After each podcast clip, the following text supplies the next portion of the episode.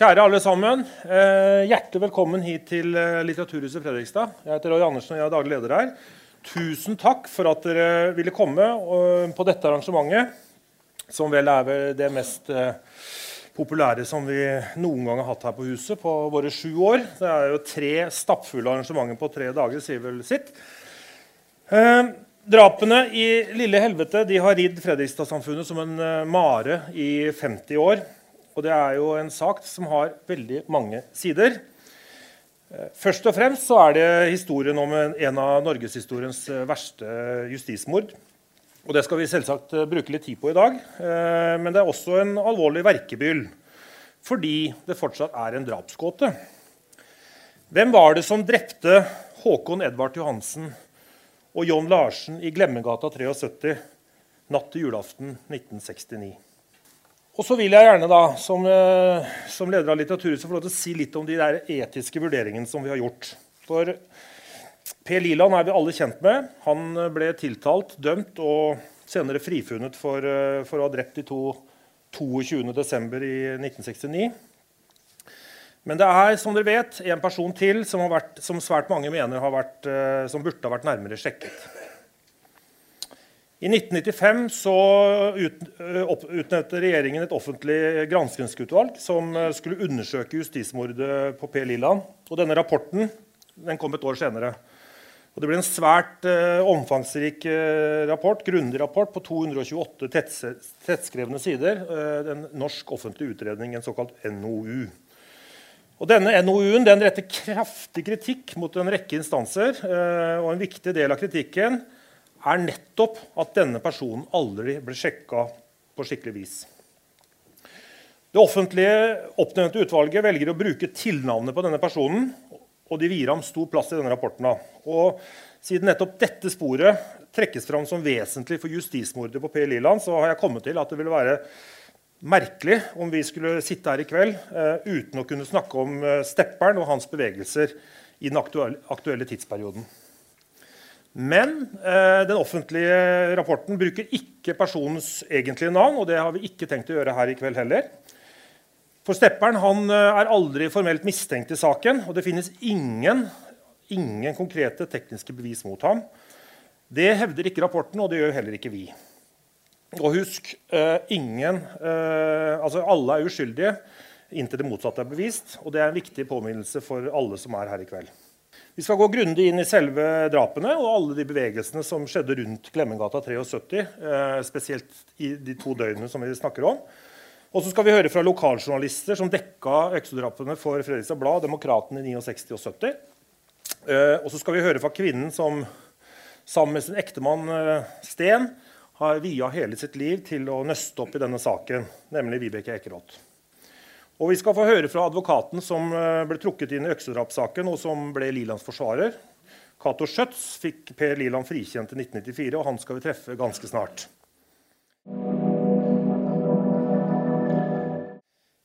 Nå skal vi tilbake til Fredrikstad 1969. Og hvem er bedre enn å foreta en sånn tidsreise enn eh, en av våre aller beste krimforfattere gjennom tidene, nemlig André Bjerke. Han var kanskje den første som tok uh, ekteparet Ekerås arbeid uh, for en gjennomgang av saken, gjenopptakelse av saken på al alvorlig vis. Og I 1981 skulle han publisere en uh, artikkelserie i Aftenposten om saken. Men så ble han ramma av slag mens han sto midt i dette arbeidet. Og I 1993 så skrev Fredrikstad-forfatter Lars Tore Bø boka 'Øksemord, justismord, André Bjerke og Liland-saken'. Og Den er basert på nettopp Bjerkes papirer. Velkommen på scenen, Lars Tore Bø.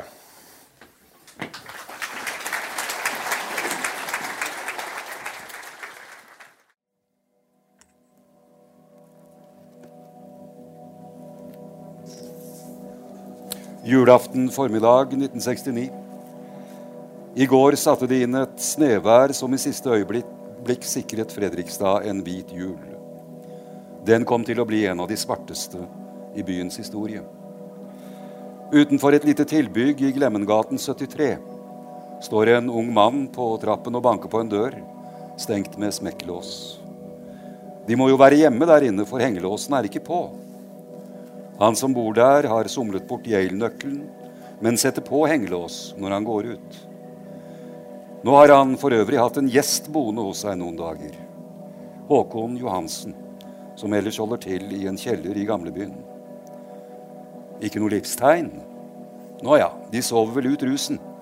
Men klokken er halv elleve, og det er glade jul. På tide å våkne selv for fylliker. Et spark i døren. Hei! Få opp gluggene der inne, det er Kai. Tilbygget til det toetasjes trehuset har før i tiden vært tobakksbutikk. Nå har kommunen stilt det til rådighet for en nokså forkommen løsarbeider, John Svalbard Larsen. Løsarbeidet hans har i de senere år bestått i å få korkene ut av kvistlakkflaskene. Han har lenge holdt åpent hus for folk med lignende innsatsvilje i arbeidslivet. Svært åpent hus. I nabolaget og i edruskapsnemnda har stedet fått tilnavnet Lille helvete. En kort stund senere kommer enda to julegjester gående. Arvid Karlsen og Kake-Bernhard Kristiansen, Kais far, har med julesylte til John og Håkon, som de ikke har sett siden drikkekalaset der inne i forgårs. Her ligger de og sover, sier Kai til de to nykommerne. De banker på noen ganger til. Du får ta en titt inn, sier Arvid og løfter Kai opp til det smale, åpne vinduet øverst i døren. De er dritfulle begge to, sier Kai. Arvid vil også se, og Kai hjelper ham så han får sett inn vinduet. Blod! Det er blod der inne! Få opp døra! Han løfter Kai opp igjen, og han får tak i smekklåsen på innsiden. Døren svinger opp til lille helvete, som ikke lenger er så lite. De tre går inn med Arvid i spissen. Det er Kai som reagerer først. De er ihjelslått. Ikke rør noe. Det har vi vett på sjøl, sier Arvid. Gå og ring etter politiet, du. Han går videre inn i rommet med Kake-Bernhard på slep. På divanen under vinduet som vender ut mot Myragata, ligger Håkon Johansen. Hjernemassen har rent nedover kinnet hans. På gulvet ved divanen ved motsatt vegg ligger John Larsen, blodig og ille tilrett. Arvid går bort til Håkon og stryker ham over kinnet. Han sier, 'Jaså, har du reist nå da, Håkon?' Bernhard istemmer. 'Farvel da, Håkon. Dette var trist.' Kai har kommet tilbake og venter utenfor når de to kommer ut. Arvid har fremdeles sylta under armen. Han rekker den til Kai og sier, 'Du får ta sylta, du, Kai. De har glemt å tygge her inne.' Klokken nærmer seg fem på elleve da en politibil stopper foran tilbygget. Etter et kort besøk tilkalles kriminalavdelingen ved Fredrikstad politikammer. Et snaut kvarter senere kommer Svarte-Maria med ytterligere tre tjenestemenn. Det senker seg himmelsk julefred over Fredrikstad når mordkommisjonen under ledelse av Rolf Ari Arman starter sitt usmakelige arbeid i lille helvete. Tusen takk, eh, Lars Tore. Ehm, ja. Det offentlige Norge har jo slått fast at uh, Per Liland-dommen dommen mot P. Liland var et uh, alvorlig justismord. Faktisk et av de verste i hele Norges historie. Men hva er et justismord? Og hvorfor var denne dommen mot Per Liland et justismord? Nå skal dere helt innledningsvis uh, få treffe advokaten som fikk Per Liland frikjent. han skal dere også få treffe senere i kveld når vi da skal gå litt mer inn i substansen. Så her har dere Cato Schjøtz. Tusen takk, og god kveld. Det varmer jo et eh, gammelt advokathjerte å se at det er tre fulle hus i Fredrikstad med bortimot 1000 mennesker som interesserer seg for en drapssak som er nå 50 år gammel. Det er ganske flott, og det tyder jo på at um, folk er opptatt av rettssikkerhet. Folk er opptatt av rettferdighet. Mitt innledningsvis som eget ståsted jeg begynte som universitetslektor ehm, på 70-tallet. Fra 1978 til, 19, nei, til 2018. Ehm, eh, I de 40 årene var jeg advokat i advokatfirmaet Skjøtt. Det var da Per Liland-saken kom. Eh, etter at jeg fylte 70, så har jeg flyttet over til et mindre advokatfirma som heter Glittertind, og der er jeg nå. Jeg har i alle år drevet mye med, med prosedyre. Oppdraget for Per, Liland er uten sammenligning eh, den viktigste saken jeg har arbeidet med, og den saken som jeg har gledet meg mest over utfallet av. Den er viktig på mange måter, og det kommer vi tilbake til. Justismord har en side mot det viktige begrepet rettssikkerhet. Rettssikkerhet i Norge. Rettssikkerhet har to sider. Rettssikkerhetsreglene skal for det første hindre at gale dommer avsies. Derfor har vi regler om bevisbyrde. Vi har regler om forsvarere. Vi har regler om kontradiksjon. Vi har regler om habilitet. Og vi er egentlig ganske flinke stort sett, til å hindre at gale dommer avsies. Vi har god rettssikkerhet i Norge, og det har vi hatt i mange, mange tiår. Men så har rettssikkerheten også en annen side. Vi skal ikke bare hindre at gale dommer avsies. Vi skal, vi skal påse at gammel urett blir rett igjen. Og Det er her reglene om gjenåpning kommer inn, og det er her Liland-saken kommer inn. Og like gode som vi har vært når det gjelder å forebygge gale dommer, generelt sett, så har vi tradisjonelt vært veldig lite flinke til å oppfylle den andre siden av rettssikkerhetsidealet. Gjøre gammel urett god igjen. Og det er, det er mange, eh, mange, tragedier eh, som vi har avdekket i de siste 25 årene. Det er tragedier ved at folk sitter år inn og år ut i fengsel uten å ha gjort noe galt. Det er fortsatte tragedier etter at de slipper ut. De er stigmatiserte. Og i aller verste fall så ender disse justismordene med selvmord. De greier ikke å ta inn over seg at verden er slik at de er dømt og stigmatisert for noe som de aldri har gjort. Hvorfor er Liland-saken så enestående? Den er for det første enestående for Per Liland, som etter å ha sonet 14 år blir frifunnet. Det er selvfølgelig en enorm lettelse. Eh, en liten, bitte liten kompensasjon eh, for den tragedien han ble utsatt for. Men den er også veldig viktig i en større sammenheng. Liland-saken representerte et vannskille i norsk strafferett og i norsk straffeprosess. Før Liland-saken var det i praksis helt umulig å få gjenopptatt straffesaker. Domstolene gjorde ikke feil, aller minst i alvorlige saker. Etter krigen kjenner jeg intet eksempel på at en alvorlig straffedom ble gjenopptatt og endte med frifinnelse. Og den er også viktig på, et, på en tredje måte. Fordi at vi i forlengelsen av Liland-saken fikk som Roy sa, en offentlig kommisjon. Vi fikk en NOU. Og vi fikk helt nye regler om hvordan gjenåpningsbegjæringer skal behandles. Før var det den samme domstolen som avsa dommen, som også tok stilling til gjenåpning. I dag vet dere alle sammen at vi har en egen kommisjon, en egen gjenopptakelseskommisjon. Uten Liland-saken hadde vi ikke fått noen norsk offentlig utredning. Uten Liland-saken hadde vi ikke fått noen gjenopptakelseskommisjon. Og vi hadde i hvert fall i mange år fortsatt hatt det gamle systemet, som i praksis viste seg ikke å kunne fungere. Hvordan oppstår justismord? Justismord har flere kilder. Den aller viktigste kilden er misforståtte, skråsikre sakkyndige. Det er det vi møter i Liland-saken, det er det vi møter i Fritz Moen-saken, det er det vi møter i alle de sakene som endte med domfellelse for incest overfor sine aller nærmeste.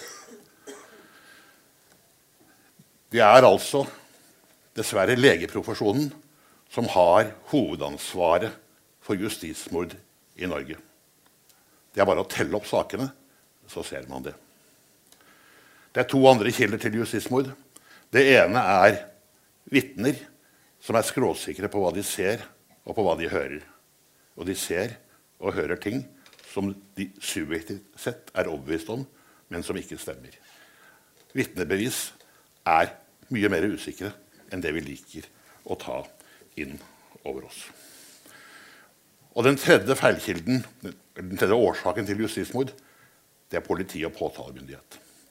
Påtalemyndighet som låser seg for tidlig, blir opptatt av at de har funnet én mann, og som tviholder på det langt etterpå, langt etter at det, er, at det burde være klart at den opprinnelige teorien svikter. Liland-saken er her et skoleeksempel. Fritz-Moen er andre. Det gjentar seg i sak etter sak. Man låser seg. Og så er det altså slik at man snur ikke i tide. Og i aller, de aller verste tilfellene De er det heldigvis ikke mange av, men vi har dem. Den tredje undergruppen når det gjelder påtalemyndighet, det er at politiet jukser. Politiet lyver. Politiet underslår bevis. Det første har vi eksempler på i de såkalte bumerangsakene fra Bergen om politivold. Det andre har vi et eksempel på i Fritz Moen-saken. Det er heldigvis de store, store unntak. Hvem er det så som oppklarer justismord? Det er ikke, som det burde være, politi og påtalemyndighet som tar sakene opp av eget tiltak når de skjønner at noe er galt, og fremmer påstand eller fremmer saker om gjenåpning og legger ned påstand om frifinnelse. Det er altså en kamp uten like i hver eneste sak hvor påtalemyndigheten kjemper med nebb og klør mot gjenåpning, også i saker som burde fremstå som klart begrunnede. Eh, det er, det er eh, det er, eh, det er dessverre et faktum. Hvorfor ble Liland-saken gjenåpnet? Liland-saken ble gjenåpnet, i likhet med en del andre saker, pga. nye og riktige sakkyndige erklæringer. Det skal vi høre mer om senere. I Liland-saken så var det en rekke i ettertid nasjonale og internasjonale fremragende sakkyndige som kritiserte de to opprinnelige sakkyndige, Lundevall og Gjertsen, og ga uttrykk for at deres konklusjoner savnet belegg. Men sakkyndige konklusjoner har en ekstrem stor vekt i alle saker, og straffesaker spesielt. Vi har i norsk rett en overdreven tro på sakkyndige. De legges til grunn også i de tilfellene hvor det viser seg at de ikke skulle vært lagt til grunn. Og dette er veldig vanskelig. Det er ekstremt vanskelig for forsvarere å angripe fagpersoner som uttaler seg med skråsikkerhet ut fra sitt eget faglige ståsted. Ekstremt vanskelig. Så man er avhengig av uredde kolleger som tar et oppgjør med svikten hos sine kolleger. I Liland-saken var det også en annen ting som kom som et viktig tillegg. Det var at man i forbindelse med gjenåpningssaken og i etterkant, etter at Liland var satt inn til soning, fant ytterligere vitner som ikke var avhørt i forbindelse med etterforskningen eller avhørt i forbindelse med hovedforhandlingen. Ytterligere vitner som hadde sett og hørt aktivitet i Lille Helvete lille julaften. Hele Liland-sakens kjerne var at politiet, for å holde fast ved Liland som skyldig, måtte flytte drapsdatoen fra lille julaften, som de opprinnelig la til grunn, til bitte lille julaften, til 22. desember. Både den første legen som var på åstedet, og politiet selv mente opprinnelig at drapene skjedde 23. 23. Men det var ikke mulig å få klebet Liland til drapene på den datoen.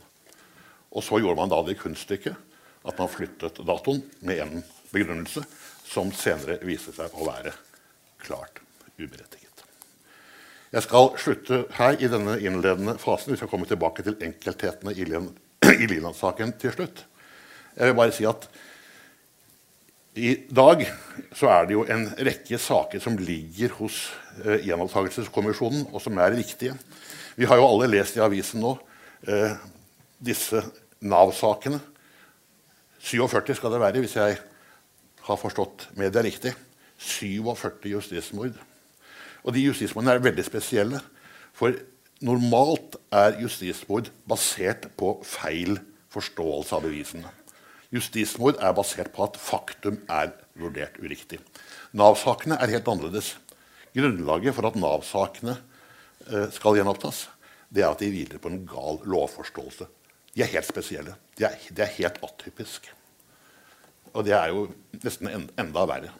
Eh, for man har jo da sakkyndige når det gjelder juss på alle tre kanter. Forsvarere, aktorer og, og, dommere. Men vi har to andre saker som ligger, og som er ekstremt høyprofilerte. Orderud-saken ligger til vurdering. Og selv har jeg vært engasjert i de siste seks årene faktisk, i forsøket på å få gjenopptatt drapssaken, drapsdommen, mot Fredrik Fasting Torgersen. Eh, den skal jeg ikke snakke noe mer om. Tusen eh, takk så langt, eh, Cato. Ja, dere ser jo her nå dette åstedet. Dette bildet er tatt julaften i 1969. og Før vi går løs på neste bolk, så vil jeg bare sånn at dere er klar over hvor dette er. Så tenkte jeg for å vise dere Se om man trykker på riktig her. Eh, så er det dette stedet. Eh, og dette bildet har Vibeke og Sten Ekerot tatt. Og det er faktisk bilen til Vibeke og Sten som står der. Hun skal snakke litt mer om det etterpå. Men det er altså, det er altså eh, dette tilbygget her som er åstedet, og som da ble kalt for Lille helvete. Dette er Glemmengata 73. Og inn her så går denne gata som da het Myragata, som i dag heter Valkyriengate. Eh, og sånn her ser det ut i dag. Eh, så dere kjenner, Mange av dere kjenner jo igjen dette stedet. Dette er jo i Kniplebakkene, eller ned fra, ned fra gata fra Trara skole. Eh, og som dere ser Lille helvete fins ikke mer. Det ble revet uh, i årene etter uh, dobbeltdrapene. Kanskje ikke så vanskelig å forstå det. Ja, og som vi har vært inne, uh, inne på, så har jo denne Liland-saken vært en verkebyll, og øksedrapene har vært en verkebyll for Fredrikstad-samfunnet i 50 år. Men hvordan ble uh, nyheten om øksedrapene mottatt? Uh, hvordan reagerte Fredrikstad-samfunnet i 1969? Og hvordan jobbet de som, uh, som, skulle dekke denne saken for lokalavisene? Det skal vi få svar på nå, for nå kommer på scenen Nils Øy og Terje Jansson. Jeg får nesten begynne med deg, Terje. Du, du, du var journalist i Demokraten du, i 1969. Eh, hvor gammel var du da? Hvor lenge hadde du holdt på? Eh, jeg var 23 og hadde vært i Demokraten i fire år. Begynte veldig tidlig. Ja. Og senere, så, så, bare så vi blir litt kjent med deg, så, så jobba du Demokraten et par år etter også denne saken. Og så begynte du å jobbe på VG sitt Østfold-kontor her i Fredrikstad da, da de hadde det. Eh, og seinere så ble du reportasjesjef eh, i VG. Og så var du nyhetsredaktør i Fredrikstad og så ble du redaktør, en av redaktørene i VG etter det. Nå er du pensjonist. Og du, Nils, du, du høres ikke ut som Jeg hører at du ikke er fra Fredrikstad. Kan du fortelle litt hvor du kommer fra? og hva er... Du er skarp, du. jeg er født på, i Ørsta på Sunnmøre. Ja. Og det var hjembygda til Ivar Aasen. Så du skjønner at jeg har reist langt. Ja. så, men hvordan i all verden havna du her? Eh, for det må jo ha vært på 60-tallet? Ut i Skjeberg, på folkehøgskolen der, var det en første journalistlinja i landet, og den, den, gikk jeg. Og mens jeg var der, så gikk jeg noen vakter i, i Fredrikstad Blad. Og da fikk jeg tilbud om å begynne der eh, samme, samme, sommer. Nettopp. Og det var da i 64. 64 ja. Nettopp. Så du var litt, litt dreven faktisk da denne saken dukka opp? ja, ett år ja. før der. og så, eh, etter at du slutta i Fredrikstad Blad i 77, var det vel, så, så, du, så, begynte du å jobbe på Institutt for journalistikk, på IJ, som da lå ute ved, ved Prestelandet. Og senere så så har du vært eh, sjefredaktør i Gudbrandsdølen, og så har du vært leder på IJ. Eh, og så har du også vært generalsekretær for Norsk eh, redaktørforening.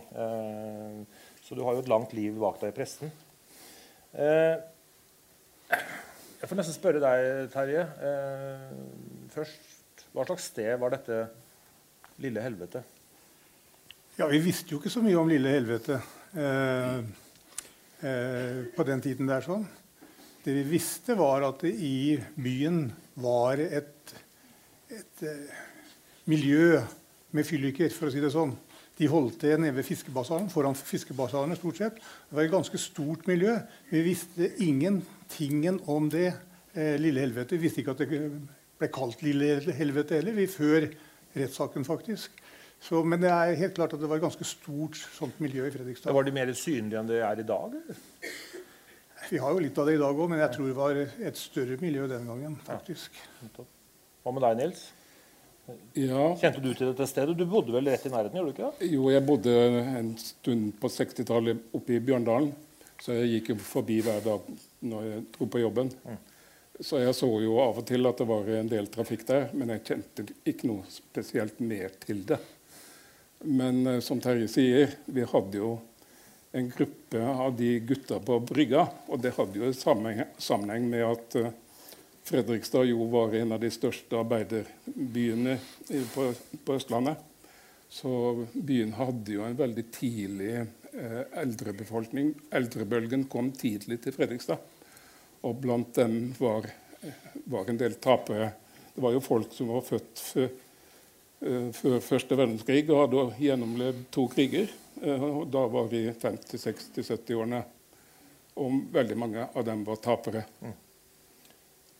Hva slags, hva slags samfunn var Fredrikstad i 1969, eh, Terje?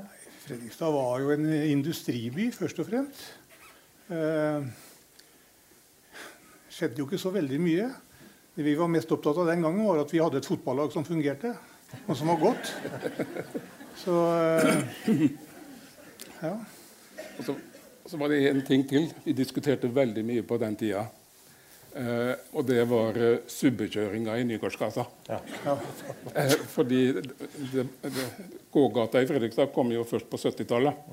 Og i åra før så kjørte bilene opp ned Nygårdsgata og ned til Stor, Storgata og opp til biblioteket og rundt igjen i 40-50 km i timen og speidet etter jenter. Ja. Det, det var samtaleemnet. Og du nevnte for meg, Terje, at det var, eh, at det var, eh, det var ganske mange fattige i Fredrikstad på den tiden her. ja, det var det, faktisk. Det var, det var jo mye arbeidsledighet i Fredrikstad. Så det var mye fattigdom også. Og en del av de gutta her som var på brygga, de kom jo fra det. Eh, De hadde jo ikke jobb. De flesteparten av dem hadde jo ikke jobb. Innimellom så ble de tatt av politi. Og ble de tatt tilstrekkelig mange ganger, så ble de sendt ned på Jederen til tørk et halvt år. Kom de tilbake, samme miljø. Og det skjedde ved mange av disse her. Hvem var, det, hvem var Håkon Edvard Johansen og John Larsen, eh, Nils? Jeg kjenner ikke så mye til hva slags sivilt sivilt liv John Larsen hadde før. Eh, Men Håkon var jo sjømann, gammel sjømann. Men han var jo allerede mens han var ute, eh, kjent for å være hard på flaska. Eh, og det var jo veldig mange sjøfolk blant de som var arbeidsledige på den tida, og som vanka på brygga.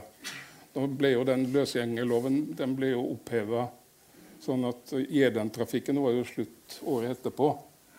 Eh, men her i byen så hadde vi et, et arbeidshjem for alkoholskadde på Lilleng. Og der havna jo flere av de som vi skal hilse på etter hvert. Ja, nettopp. Men la oss gå til, eh, til julaften da, eh, i 1969. Eh, Får begynne med deg, Annelise. Eh, Hvordan ble du varsla Eller hvordan, hvordan ble du kobla på denne saken? Det var eh, daværende reportasjesjef i Fredrikstad Blad, Erik Skogstrøm, som ringte meg. Han hadde eh, eh, en god venn på politikammeret, eh, Strømsæter, som han ble tipsa av. da. Og det var vel kanskje samme vei dere fikk det, antar jeg.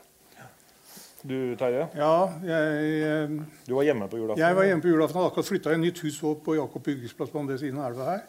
Uh, julaften, Vi satt og spiste julemiddag på julaften hele familien, og da fikk jeg telefon om at det hadde skjedd noe der oppe. Ja. Og da, Jeg hadde jo ikke bil, så jeg, og det var, hadde, hadde kommet snø òg, så jeg sykla opp her da. Og uh, så at det var voldsom aktivitet der med politifolk. Ja. Men hvordan jobba dere i, som journalister og Da skulle du dekke en, en, en alvorlig krimsak. Dere fikk vel sikkert eh, allerede der oppe skjønte at det var snakk om et eh, drap eh, og ganske alvorlige saker. Men hvordan jobba dere da? Husk- Altså, Altså 50 år siden var det ikke Internett. Nei. Da kom avisene ut eh, altså Dette var julaften. Vi skulle ikke ha noen avis før da tredje juledag. Eh, så det var pressekonferanse, det var en stor pressekonferanse på politikammeret annen juledag på formiddagen. Og da kom jo alle disse eh, kjente krimreporterne fra Oslo. Mikael Spang i Dagbladet, Odd Bergfall i Aftenposten og Knu, ikke minst Knut Håvik da, fra VG. Eh, han gjorde da mest ut av seg som vanlig. Men, eh, men da var det pressekonferanse her oppe, og vi, vi drev jo ikke noe særlig aktiv journalistikk. Eh, Hadde det vært i dag, så hadde det vært helt annerledes. Hva, hva, hva var dere, hvordan var det dere jobba kontra la oss si, Mika Grunnsprang? da? Ja, Vi som var fra lokalpressen og i tillegg var veldig unge og ferske, vi, eh, vi brukte jo en journalistikk som vi i etterkant har kalt eh, referatjournalistikken. Altså vi eh, oppsøkte de offisielle kildene og holdt oss til de offisielle versjonene. Så vi snakka jo veldig mye med politikildene. Og sånn er det jo ikke i dag. Men eh, de som kom fra Oslo, de gikk jo rett på naboene og de som de skjønte var vitner, og sånn, og intervjua dem med en gang. Uh, og og det, der var ikke vi den gangen. Nei. Så det betyr vel egentlig at uh, den versjonen som Fredrikstad-folk fikk gjennom avisen deres, var til en viss grad politiets versjon? Er det riktig å si det på den måten? Jo, men i tillegg så tok vi jo i nyhetene som kom i Oslo-avisene. Ja. Vi klipte litt. Ja. Ja. Det var jo, eh, Vi kan jo se på noen av disse klippene, så jeg har funnet fram noen av dem. Her ser vi eh, Dette er jo en, noen få dager etter, eh, etter drapene. Eh, så dette har jeg vært på gata i to dager. Eh, og jeg bet meg litt merke i dette her, fordi eh, her ser vi jo en ganske tydelig forskjell på hvordan eh, saken ble dekka i Fredrikstad Blad og Demokraten. Eh, for det som, er, eh, som jeg reagerte på, var jo selvfølgelig at dere allerede her Terje, velger å navngi Per Lilland så tidlig i etterforskninga. Mens dere ikke gjør det, Nils, i Fredrikstad Blad. Mm. Vet du hva slags vurderinger som, som redaksjonen gjorde da, Terje? Jeg vil, jeg vil tro at du kanskje ikke var med på denne. Vet, du kan fortelle. Altså, jeg, når jeg fikk se det nå, eh, så ble jeg overraska at vi gjorde det. For I dag ville vi ikke gjort det. Eh, så jeg vet ikke helt. Men politiet var jo bombesikre. Og det er mulig en annen ting også. Eh, Erling Bech Våle var redaktør i Demokraten den gangen. Han var samtidig formann i sosialstyret og hadde hatt en masse saker som omhandla bl.a. Per Lilland og de gutta som ble drept, og hele det miljøet der. Så det kjente jo han veldig godt. Om, han kan, om det var han som tok den beslutningen da, eh, men på hvilken grunn vet jeg ikke. Det vet jeg faktisk ikke, for jeg husker ikke. Det var i hvert fall ikke meg. For jeg var siste og yngstemann i redaksjonen. Men Nils, du har jo vært, eh, du har jobba i Redaktørforeningen også. Ja. Hvis du tenker litt tilbake på de vurderingene som er gjort der, liksom, det, har, hva, hva, hvordan ville vi gjort dette her i dag? I dag tror jeg nok at eh, det ville blitt sånn som Demokraten gjorde det her. Fordi i dag er det vanlig i større saker, som dette var, så er det vanlig å navngi de som blir fengsla etter at det har vært en, et fengslingsmøte, at de settes i varetekt. Da er det vanlig å offentliggjøre navnet. Men den gangen eh, så mener jeg at det var vanligst, i, og særlig i provinsavisene, at vi var nokså strikte på å bruke navn før det kom til rettssaken.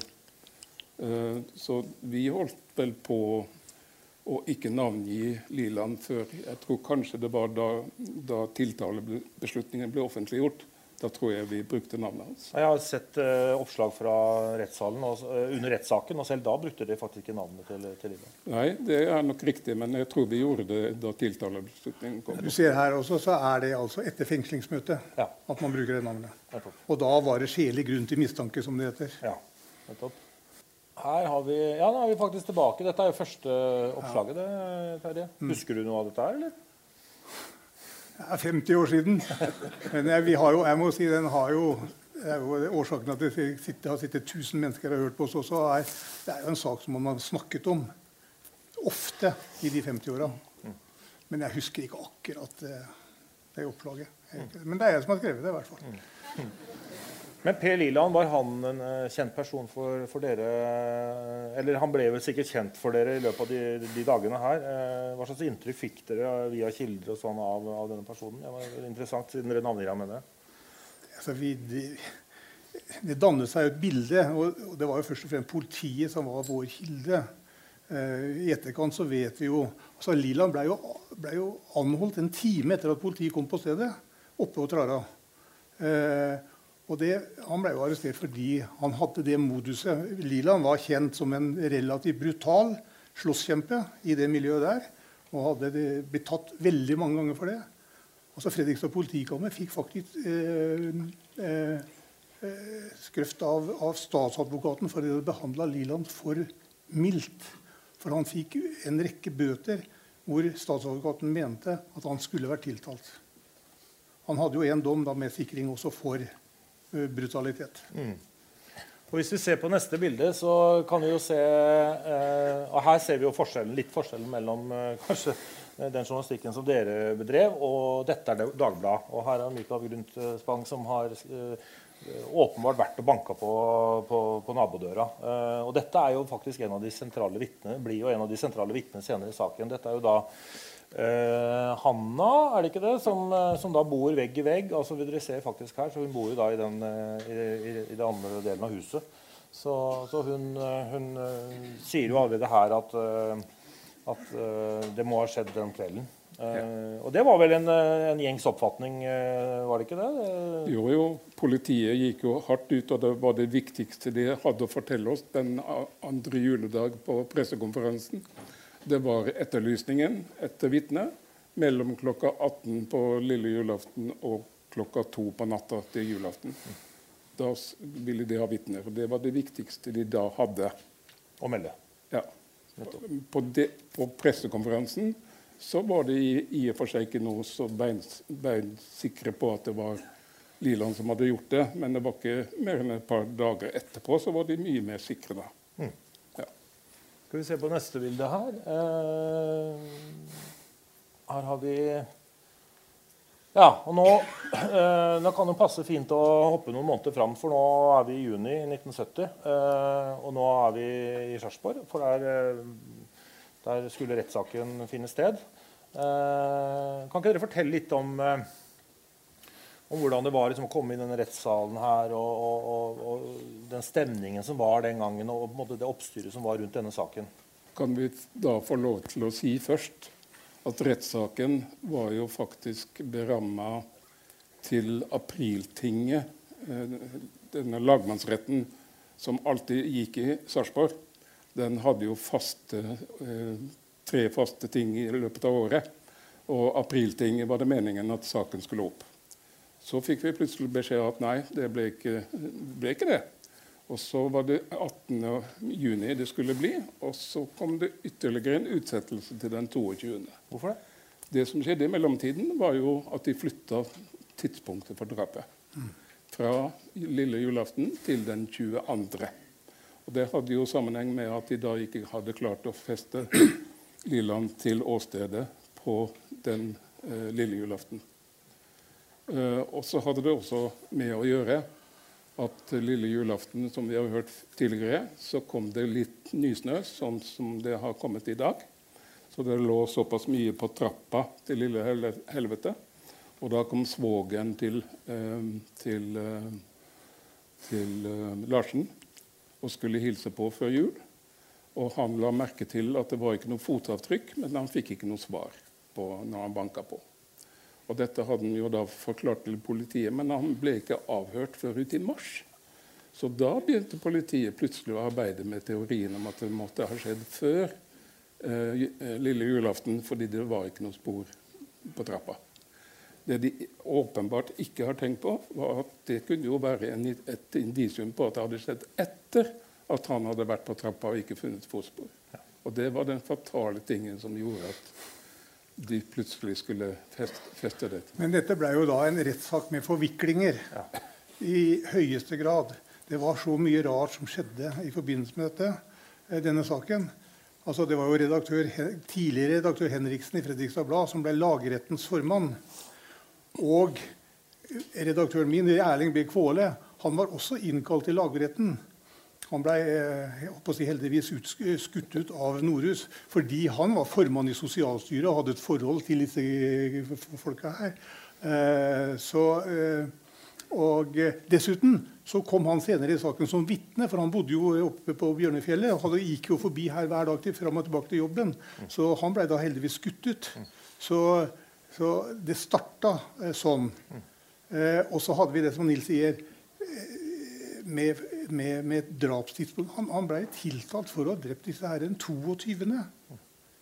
Og så kom da vitner, det ene vitnet etter den andre som fortalte hadde sett disse gutta som ble drept eh, på, på, lille julaften. Og det skapte jo masse forvikninger i, i, i saken da. Under rettssaken? Under rettssaken, ja. ja.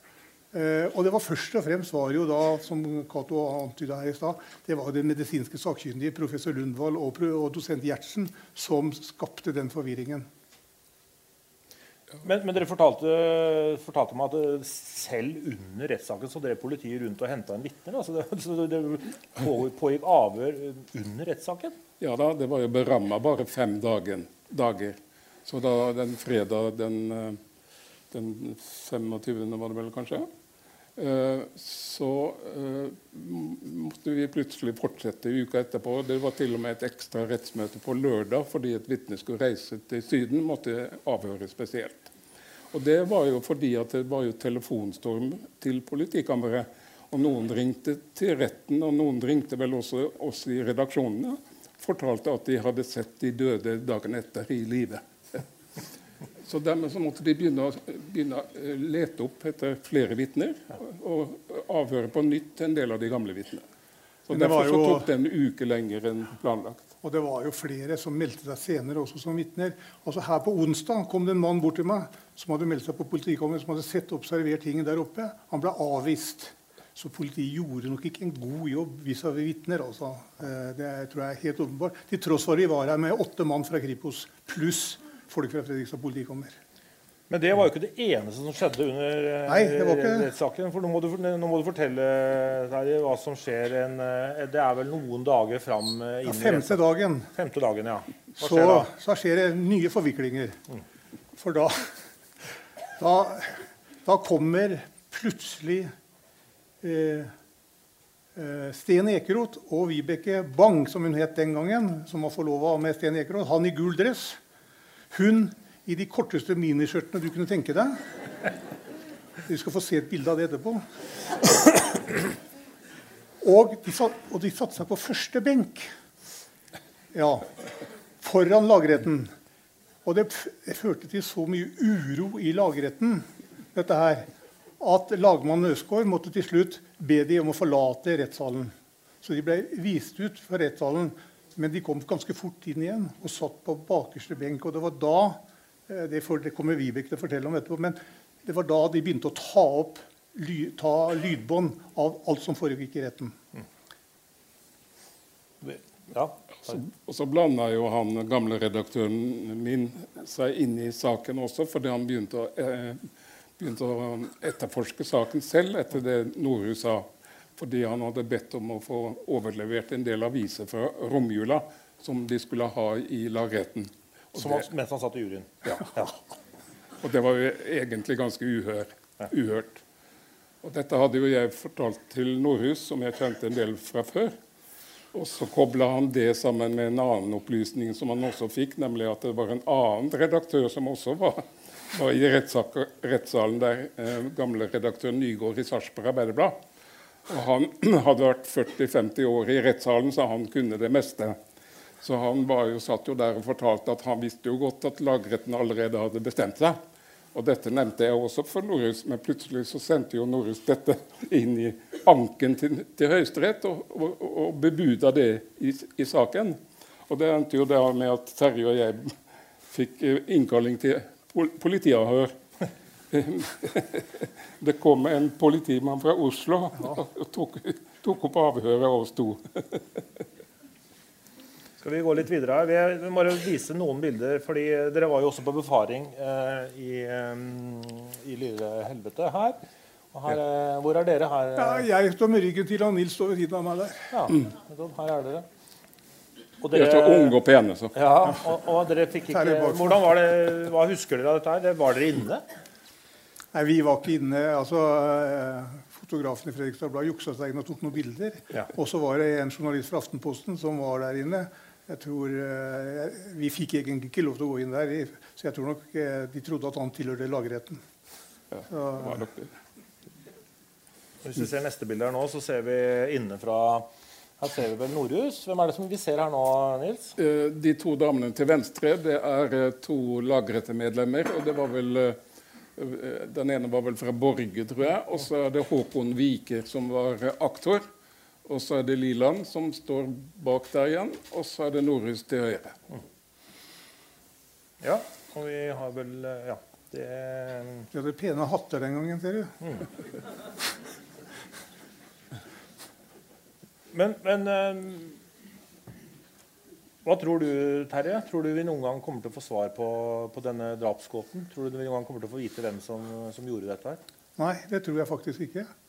Og jeg er blitt mer overbevist om det etter, etter den offentlige utredningen. Jeg leste den og leste meg opp på det. Jeg leste den før vi begynte her på onsdag. Og jeg blir mer og mer overbevist om at det kommer ikke til å bli oppklart, den saken her. sånn. Og jeg ble da, selv om jeg ikke ble overraska over dommen mot Liland første gang, så etter å ha lest den og alt det nye materiellet som har kommet, så må jeg jo si at jeg har forandra oppfatning i forhold til hva jeg hadde fra rettssaken første gangen. Men bør vi få vite hvem det er, Nils? Bør, eh, trenger vi egentlig å vite det? Nei, jeg skjønner ikke hvordan vi skal kunne få vite det. Altså, det er jo eh, utenkelig i og for seg at politiet skal eh, etterforske dette på nytt, eller påtalemyndigheten skal gjøre noe med det. Ehm, siden Terje nevnte at han ikke var overraska, så vil jeg jo gjerne si at jeg ble overrasket. Fordi jeg mente at når man i, så mange tilfeller fikk vitneprov om at disse var eh, sett i live på lille julaften, da mente jeg at en jury ikke kunne si at de var drept eh, dagen før. Eh, og at eh, noen eh, sakkyndige, selv om de var le leger aldri så mye, så opererte de jo tross alt med noen abstrakte ting som ligger langt bak i tid, og med noen, noen prøver som var tatt tilfeldigvis og sånn. Skulle komme med at den ene hadde levd så og så mye lenger. Og, ja, jeg trodde ikke noe på det, så jeg trodde mest på vitnene. Nils Høy og Terje Jansson, tusen takk. Mm. er.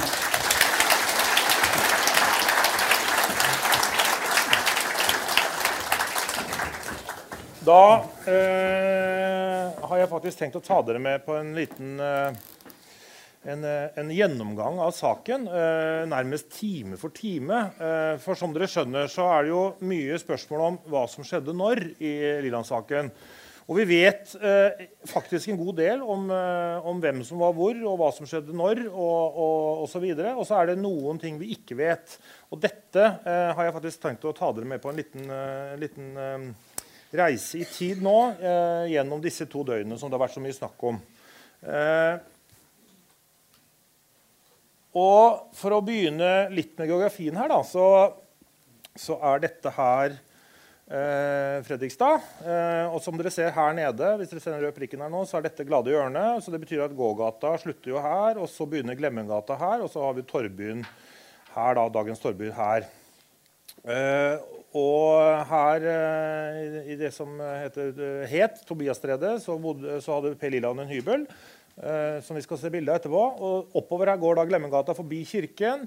Eh, og her er det jo et viktig sted uh, som vi kommer mye tilbake til. fordi uh, før vi kommer opp på Hanko-bygget her, så går det en vei ned til høyre, ned mot Steffensjord, er det vel. og inn her så ligger denne veien som heter Steffens vei. Eh, her var det en ganske kraftig fest natt til julaften. og den skal vi høre mer om. Og hvis vi fortsetter oppover Glemmengata, så får vi jo Røde Mølle på høyre side her, i krysset. Og så har vi Trara skole, og her ligger da Glemmengata 73. Så da har det, og dere, som dere ser, Det er jo veldig korte avstander her. Det er jo ikke langt å gå fra det ene til det andre stedet. Det er jo noen få minutter hit og dit. Eh, og det gjør jo eh, Det kompliserer jo selvfølgelig saken, fordi man kan bevege seg fort mellom steder her. Eh, vi beveger oss til 22.12.1969. Eh, Klokka er 11. Og eh, dette er da denne dagen som politiet etter hvert mener at drapene skal ha skjedd. Eh, da er eh, Bernhard og Arvid eh, i Glemmegata 73. Det er åpenbart noe småkrangel der på dagen. og Liland skal ha sagt at han skulle flytte tilbake. Han hadde bodd i Lille Helvete noen dager før. Han ville flytte tilbake igjen, og det skulle ha John ha motsatt seg. og de, de, drikker et kvistlakk. Det gjør ikke Per Lila. Han drikker øl, og her holder de på da, utover dagen den 22. Eh, og sånn I totida så forlater Bernhard og Arvid det lille helvete. Så kommer det en annen gjest dit. Det er litt usikkert når han forlater, og det er også litt usikkert når Per Liland forlater eh, Glemmegata 73, men et sted mellom, eh, mellom klokka tre og klokka fem. Eh, per Liland sier vel at han forlat, forlot dette stedet rundt klokka fire. Eh, og det er altså denne ettermiddagen som politiet mene, mente eh, at drapene skulle ha skjedd. Vi beveger oss, Da har jo Per Liland forlatt uh, dette stedet. Uh, han går da ned i, til hybelen sin, som da er i Tobiastredet. Og dette, sånn ser det jo ikke ut i dag. Dette bildet må jo være tatt på 80-tallet. tenker jeg. Men jeg fant det i kommunearkivet forleden. Og, og bak her ligger jo dagens politistasjon. Og så ligger det vel på hjørnet her tannlegekontor nå, og her er leiligheter nedover hele. Dere kjenner sikkert enda. Inn her gikk Tobias Tobiastredet. Og så vidt jeg vet, så må det være dette bygget som Per Lilland eh, hadde, hadde hybelen sin. Uh, og her spiller de sjakk på kvelden, eller på ettermiddagen. da, uh, Og det er hybel, uh, hybelnabo Ivar han spilte sjakk med, med, med Per og merka, sier, forteller til politiet at han merka ikke noe spesielt med Lilland den kvelden der. Eh, og klokka, Like før klokka åtte så forlater Per Liland leiligheten og så går han bort på Elbånd, som var en kafé. Så vidt jeg har klart å bringe på det rene, så befant den seg et sted på Holmen-området. Eh, og så går han da tilbake til Lille Helvete den 22. desember. Hvorfor går han tilbake? Jo, for han sier han skal hente medisinene sine. Han er syk. Han har jo også denne Hongkong-syken som veldig mange sliter med. Det er en form for influensa som da går i Fredrikstad på den tiden der. Uh, og så, og dette er jo et veldig viktig eh, hendelse som skjer, for dette er jo litt, litt av bakgrunnen for også Per Liland da blir dømt. Eh, fordi da eh, dukker nemlig denne Willy maleren opp eh, og, og, skal inn til lille helvete. Eh, eh, og da er det Per Liland som åpner døra, men han vil ikke slippe Willy inn. Det er sykdom her, sier, sier Per Liland da til Willy. og så, etter en veldig kort stund så forlater de eh, Glemmengata 73 sammen eh, og lukker døra og går. Eh, men Willy slipper altså ikke inn. og Den kvelden der så er, så er de sammen nede i Tobiasstredet. Eh, og så er det jo viktig, eh, og sto vel også i stad også, da, Per Liland da har forlånt en bøtte av denne Ivar, som han bor eh, vegg i vegg med, eh, og sier at han skal vaske buksa si. Eh, og, og, gjør ikke noe forsøk på å, skjule buksa. eller noe sånt. Han vasker buksa, og så går de til slutt og legger seg i hybelen der. Og så er vi på lille julaften. Eh, omtrent sånn så det vel ut i Fredrikstad på den tiden. her. Kanskje bildet er tatt litt før, men, men da eh, står Willy maleren først opp og forlater da leiligheten. Og en time etterpå så, så forlater også Per Liland leiligheten. Han klipper seg et sted i byen. Og så går han ned på brygga på Fjordfisk for å spise frokost. Eh, og etter en eh, halvannen par timer så er han tilbake i lille helvete. Det er da ingen som åpner. Og eh, i, i, avhøret så forklarer, han, så forklarer, Per at han er syk, og at han drar da tilbake til leiligheten etter å ikke komme inn. Og så får han besøk av Willy da, i leiligheten sin her nede i Tobiasstredet. Sånn så det ut. Og så, eh, og nå er det viktig å huske på at Politiet da opprinnelig mente at nå skal det, nå skal det være, uh, ligge to døde mennesker inne i leiligheten her. Um, Men da sier et vitne at hun på dette tidspunkt så John Håkon komme gående eh, hjem fra byen. Og det er også et avisbud som sier at hun så John litt sånn i totida være ute med søpla. Eh, og, og, så eh, beveger vi oss over på en annen del her, fordi er nå har klokka blitt eh, nærmere fire. Og nå dukker stepperen opp. Eh, han har vært på jobb i Moss. og på, Han får lov til å sitte på formannen sin, Wilhelm Olsen, hjem fra, eh, som har bil, som kjører, og som slipper av stepperen her nede på Hauge på Rollsøy. Eh, dette er det gamle samvirkelaget. Eh, og i nærheten av der så bor kompisen Jan.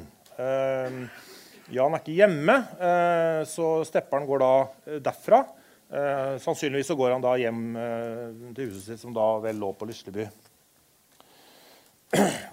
Så er vi tilbake i Glemmegata, og nå er det et vitne som, eh, som, er helt sikker på at hun, eh, ja, hun, kjører forbi, og at hun så John Larsen, som da i femtida prøver å låse seg inn i leiligheten. John Larsen er da en av de to drepte.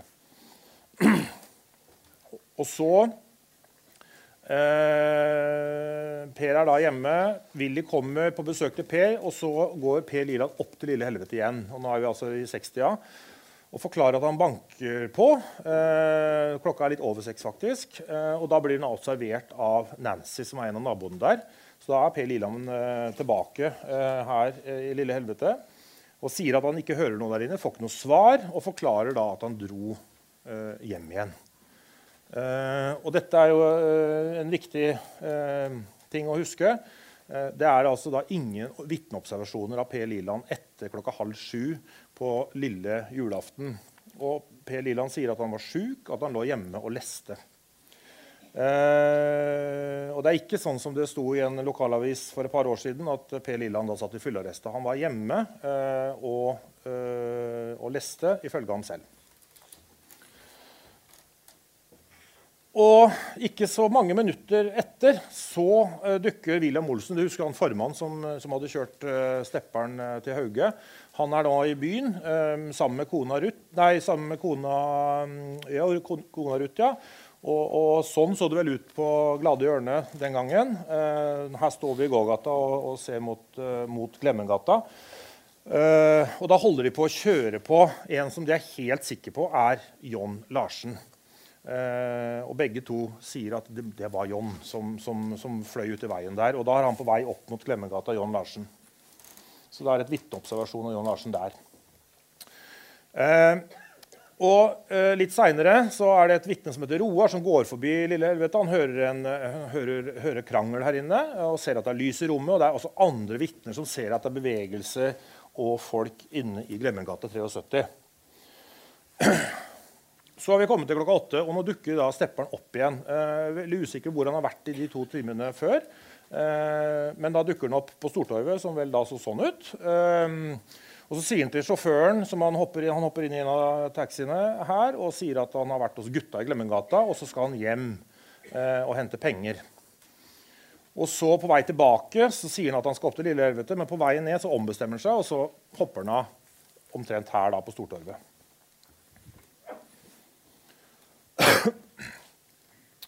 Og så er klokka blitt halv ni, eh, og litt seinere på kvelden eh, så sier et vitne eh, at han så Willy gå, tilbake, gå inn i Lillevettet. Dette var en fyr som var litt nærsynt, faktisk. Så det, det vitnet sannsynligvis ser, er en annen person. Hvorfor det? Jo, fordi Willy satt i fyllearrest. Han kan ikke ha vært han. Så det han ser, er sannsynligvis en annen person som går inn i lille helvete. Og nå er klokka rundt halv ni, litt over halv ni.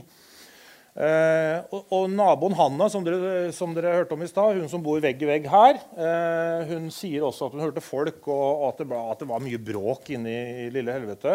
Og Det samme gjør også en annen nabo som heter Sverre. Eh, og Det er flere som har hørt folk og, og støy inne i, leiligheten denne kvelden. Og så øker dette bråket, spesielt i den tidsperioden her. er det voldsomt styr inne i, eh, inne i leiligheten her, i denne hybelleiligheten.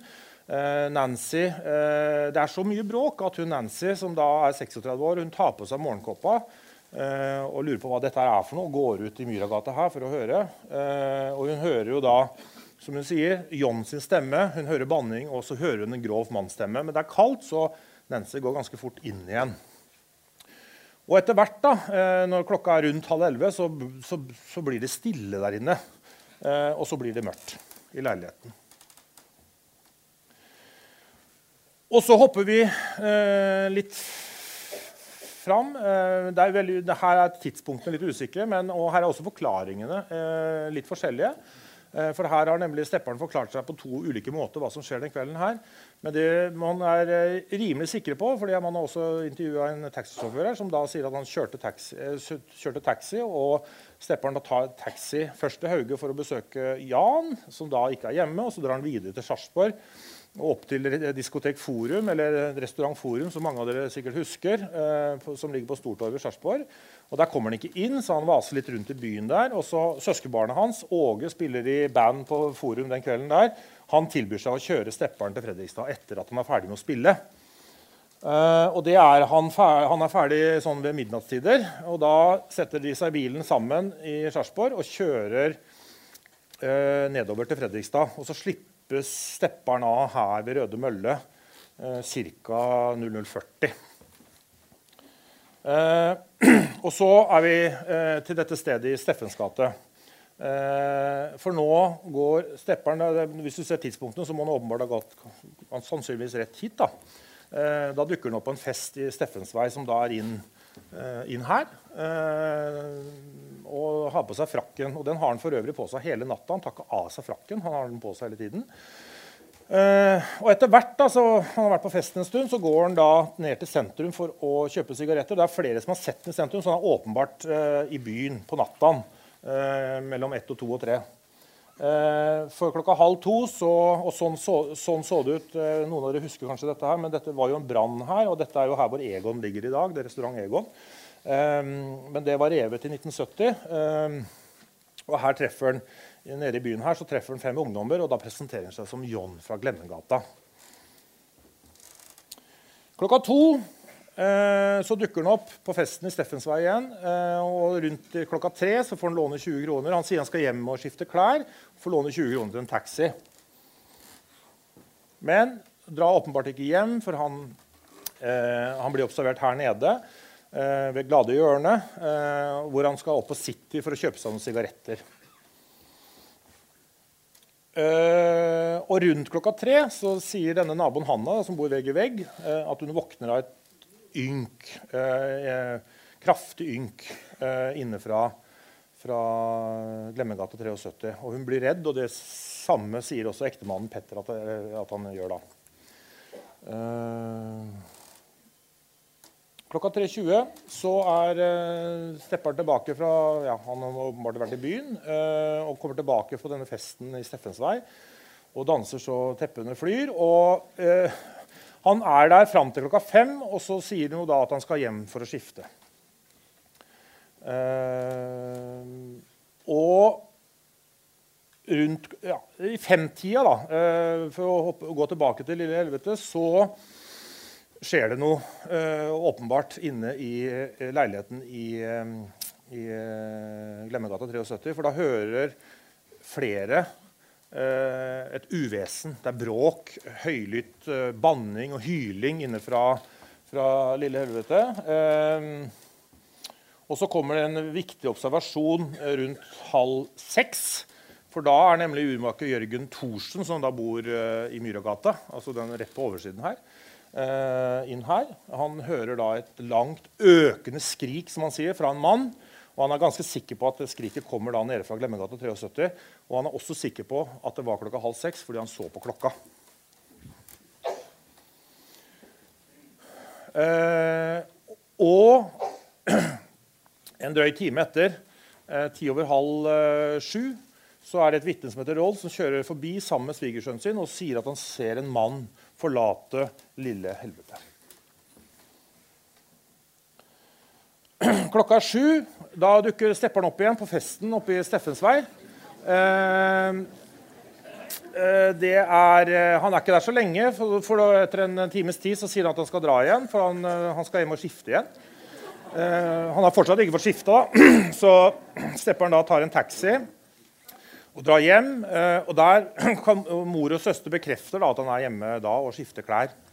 Eh, og så kommer han tilbake igjen eh, til festen på Steffens vei, og da har han altså skifta. Og så eh, kvart på ti, og nå er vi på julaften, ikke sant? Så drar han fra festen og da drar han ned til byen sammen med noen kompis, eller en eller flere kompiser, for de skal ha tak i noe øl. Og Det er jo ikke så lett å få tak i på julaften, for den gangen så var det jo ikke lov å kjøpe alkohol på julaften, men de får tak i en kasse med eksportøl eh, et eller annet sted nede i byen. Eh, Samtidig eh, så forklarer Per Liland at han sto opp, våkna og da i halv ni-tida hjemme hos seg selv i Tobiastredet. Og Willy Maleren kommer også og banker på. Han har jo vært i fyllearrestet, som dere husker. Og de er blakke og bestemmer seg for å gå opp til lille helvete. Og nå er vi på julaften. Eh, og de kommer opp der sånn rundt klokka ti. Banker, roper på, får ikke noe svar. Og så går de ned mot byen igjen. Og så er vi jo tilbake der Lars Store eh, tok oss med inn helt innledningsvis. Nemlig når da Kai og Arvid og Kake-Bernhard kommer, eh, og så er døra låst. Og så tar de seg inn, og så oppdager de det som har skjedd. Eh, varsler politiet. De kommer til plassen ti minutter senere. Eh, og klokka 11 så har jo da eh, Stepperen har jo vært i byen og kjøpt øl, som dere husker. Kommer opp igjen da eh, til Steffens vei. Nå slipper de ikke inn. Nå vil de ikke ha mer bråk der. Festen er over. Og, da, og det er jo verdt å merke seg, da, da skal de altså eh, opp i lille helvete for å feste videre der. Uh, så da går de altså opp dit, til lille helvete, Stepperen, klokka 11.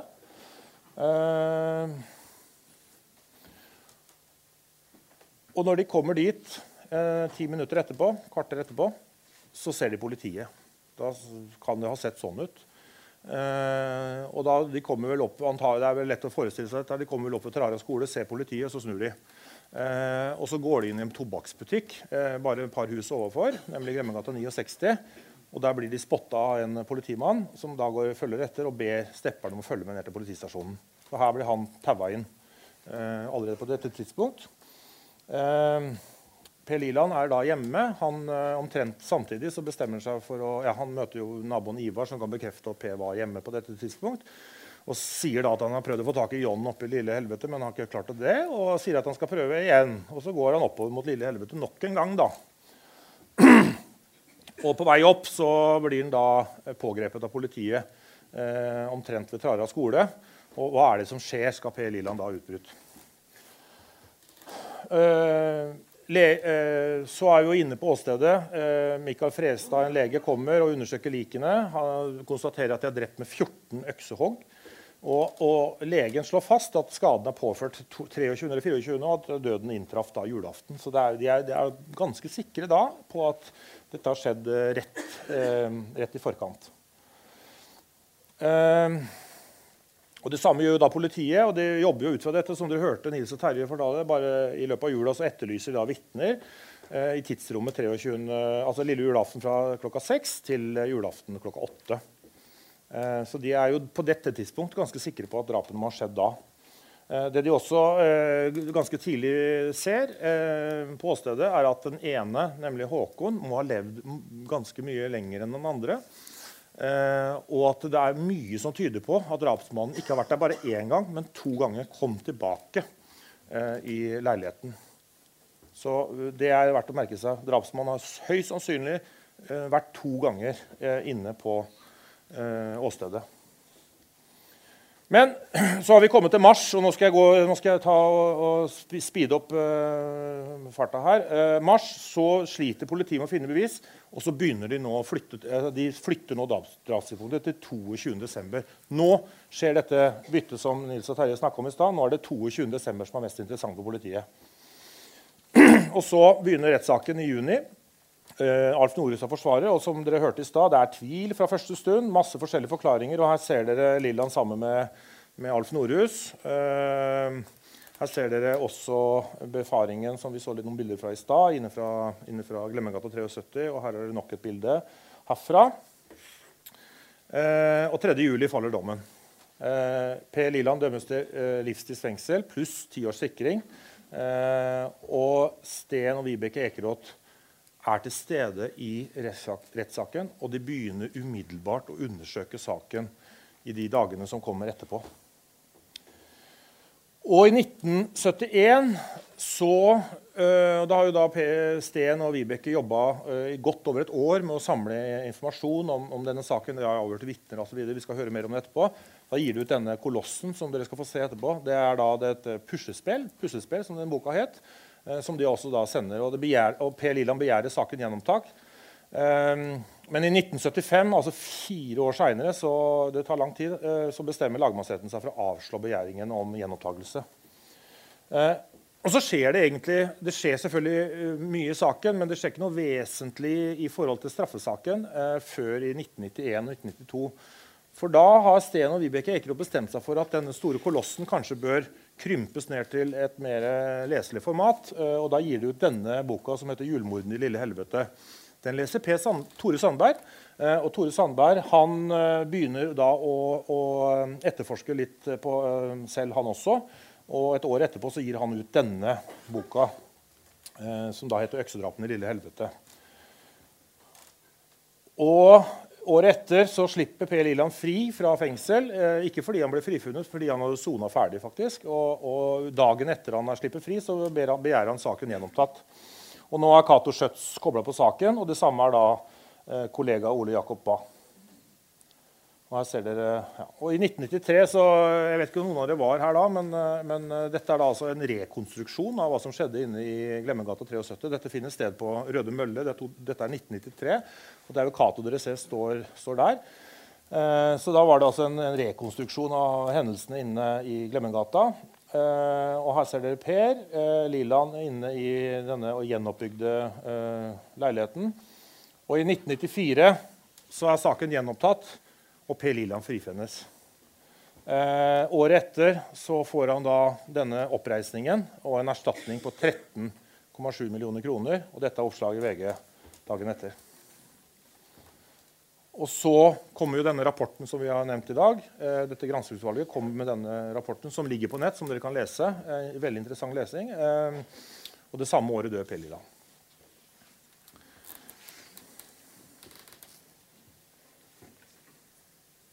For å se litt på åstedet helt til slutt her, da. Eh, sånn så det ut. Dette er polititegningen eh, av åstedet. Eh, som dere ser, så ble den ene offeret, John Larsen, han ble funnet her.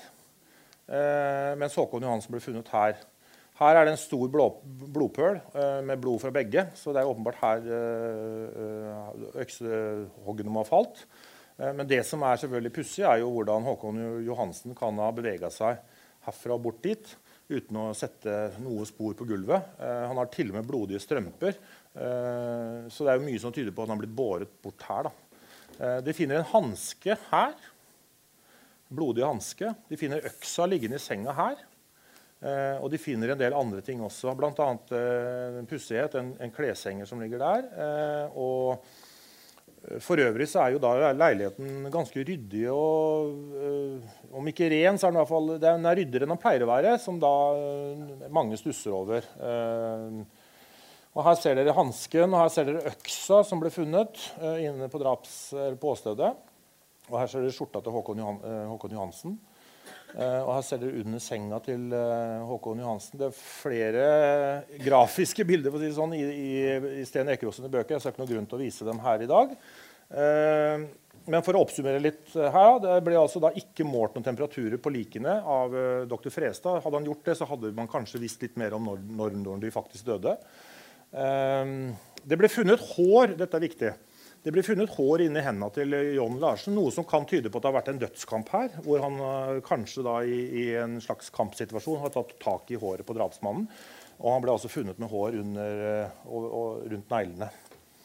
Uh, og den øksa var uten fingeravtrykk. og den ene var ganske full. altså Hadde høy promille da han ble, ble funnet. mens den andre hadde ikke noe.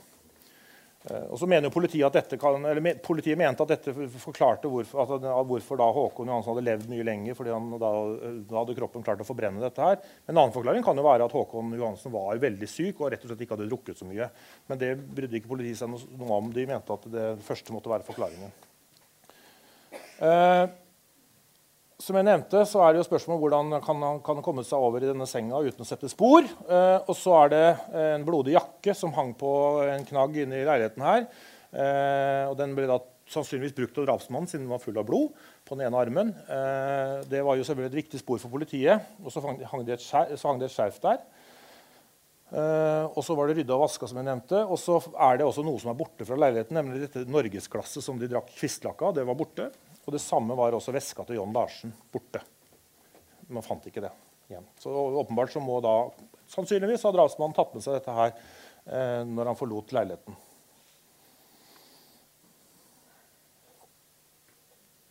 Uh, for å oppsummere litt om dette med alibiene. Eh, Per Liland har jo, som jeg nevnte i sted, han har jo ikke noe vanntett alibi. Det er eh, ingen som har sett han eller observert han denne kvelden. Det er også sånn at, per, at Stepperen har flere huller i alibiet. Og For å oppsummere disse tidsrommene som, jeg, som dere så i stad, så er det altså disse tidsrommene her som er eh, en pussighet. Her, her, her, vet man ikke hvor Stepperen har vært. Han kan selvfølgelig ha vært et helt annet sted. vi vet ikke det. det, det men dette er da um, ble, har aldri blitt sjekka ut av politiet. Eh, og Det er jo også noe av den kritikken som denne offentlige utredningen kom med. Hvorfor ble aldri dette sjekka av politiet? Betyr jo ikke at Stepperen er skyldig, men hvorfor ble ikke dette sjekka? Eh, og så var det ikke minst det at han hadde ulike forklaringer. I to ulike avhør så, så forklarte han seg ulikt om hva han hadde gjort på lille julaften. Og så finner de etter hvert ikke noe blodspor på Per Lila sine sko eller på tøyet hans. De finner bare hans eget blod. Han er jo, han er jo sjuk, så han hadde blødd neseblod. Det, det, blodet finner man. Man finner ikke andres blod der. Hansken som ble funnet, den var jo da angivelig for liten til å passe på hånda til, til Per Lilland. Eh, og, og, og, i mars så kommer da hårprøven som viser at hårene på John Larsen sin hånd er ikke fra Per Lilland.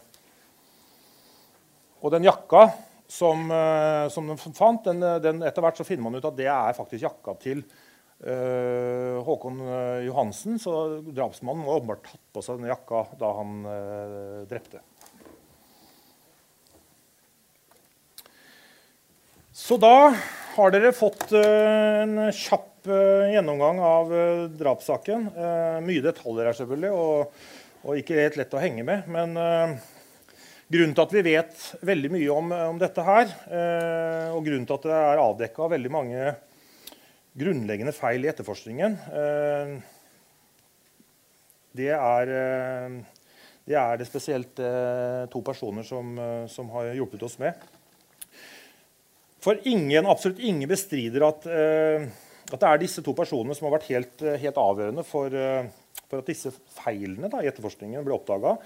For disse to de gjorde det politiet skulle ha gjort. De gjorde det krim, Eh, kriminalteknikerne skulle ha gjort, og de gjorde det statsadvokaten og aktor skulle ha gjort. Og de gjorde det mange mener pressen også skulle ha gjort, nemlig å undersøke alle sider av saken og snakke med alle som kunne ha sett, hørt eller vite noe. Og det aller viktigste stille kritiske spørsmål.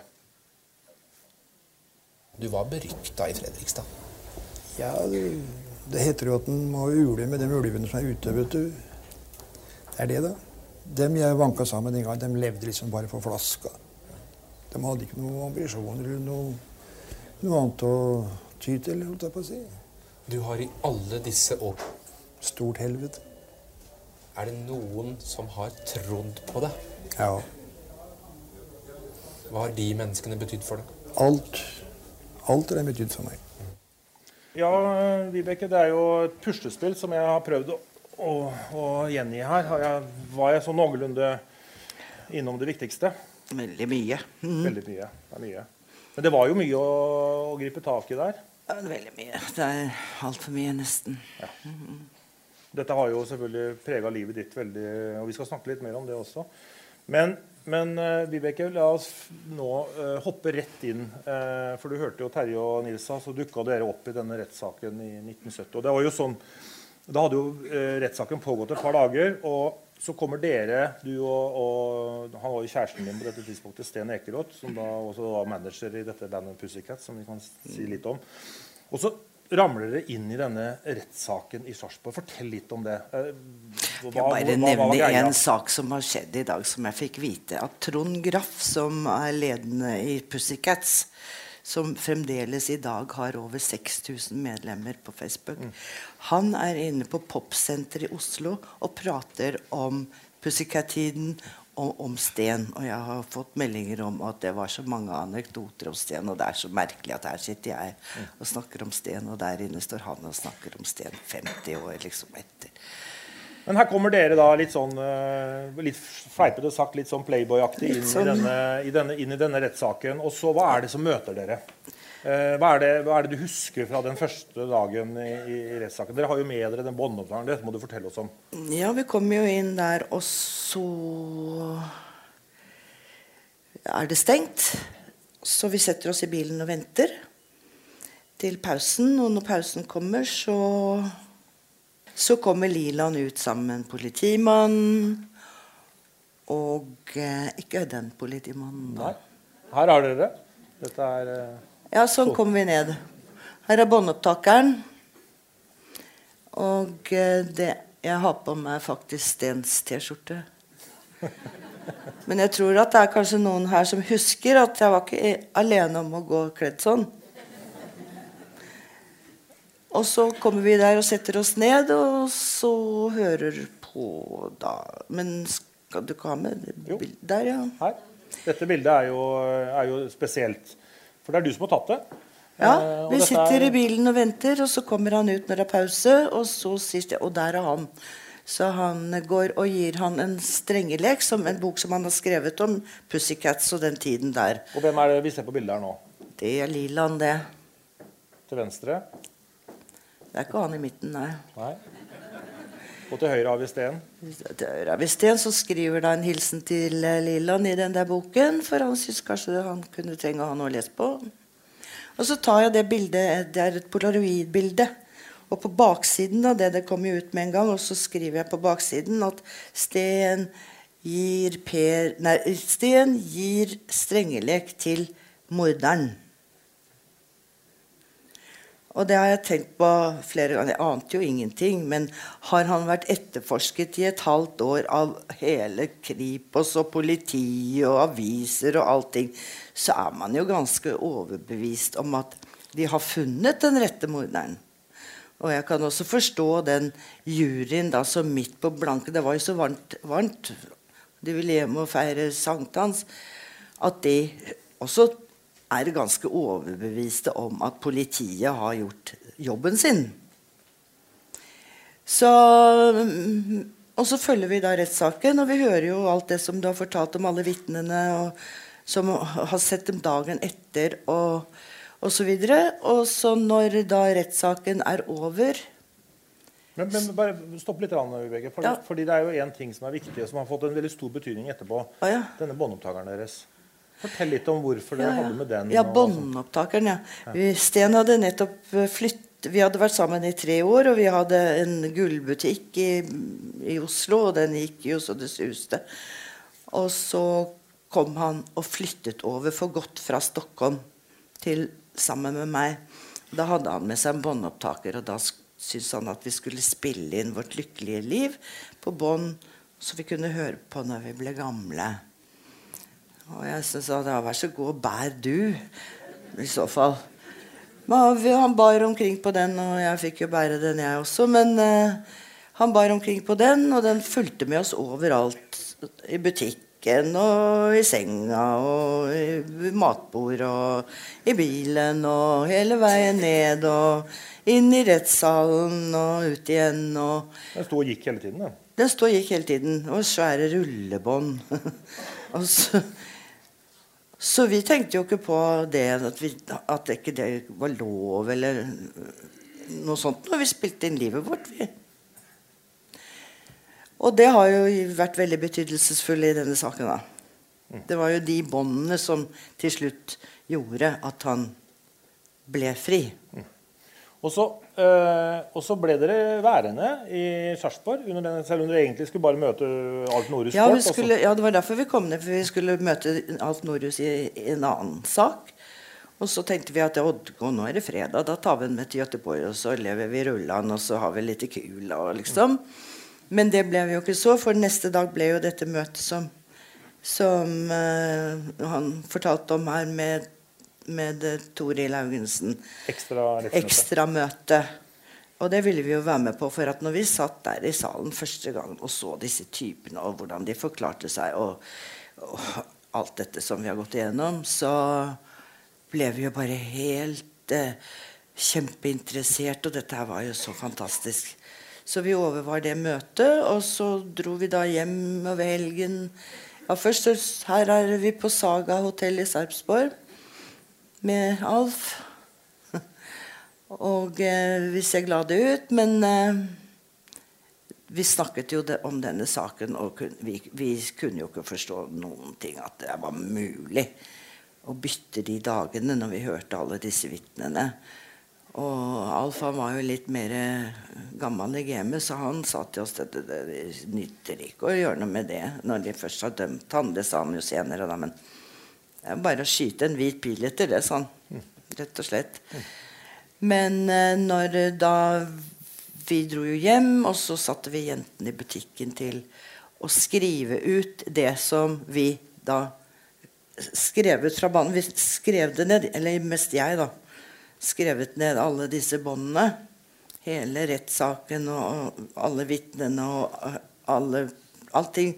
Så når vi gikk ut også og eh, så når da eh, vi, kom ned, vi kom jo ned igjen, og jentene fikk skrive det vi da hadde gjort under helgen. Så kom vi ned igjen, og så fulgte vi saken til slutt. Sånn dommen, hva, skjer etter at uh, dommen faller? For Jeg forstår det sånn at dere ble veldig overraska over dommen. For dere kunne ikke forstå hvordan den kunne, kunne ende på Nei, den måten. her. Nei, vi kunne ikke skjønne det. Nei. Hva gjorde dere da? Ja, jeg tenkte at jeg skulle skyte inn her, for at den, den saken ble jo anket til Høyesterett, men ikke Det fantes jo ikke på den tiden grunnlag for å anke straffeutmålingen. Det var om det hadde blitt begått feil i, i rettssaken. Og det var det jo her som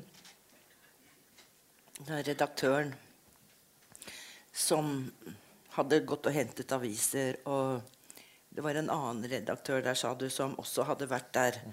Men vi traff jo på en av jurymedlemmene ute utenfor her i en pause som sa til, sa til oss at Ja, men vi har allerede bestemt oss at Liland er skyldig.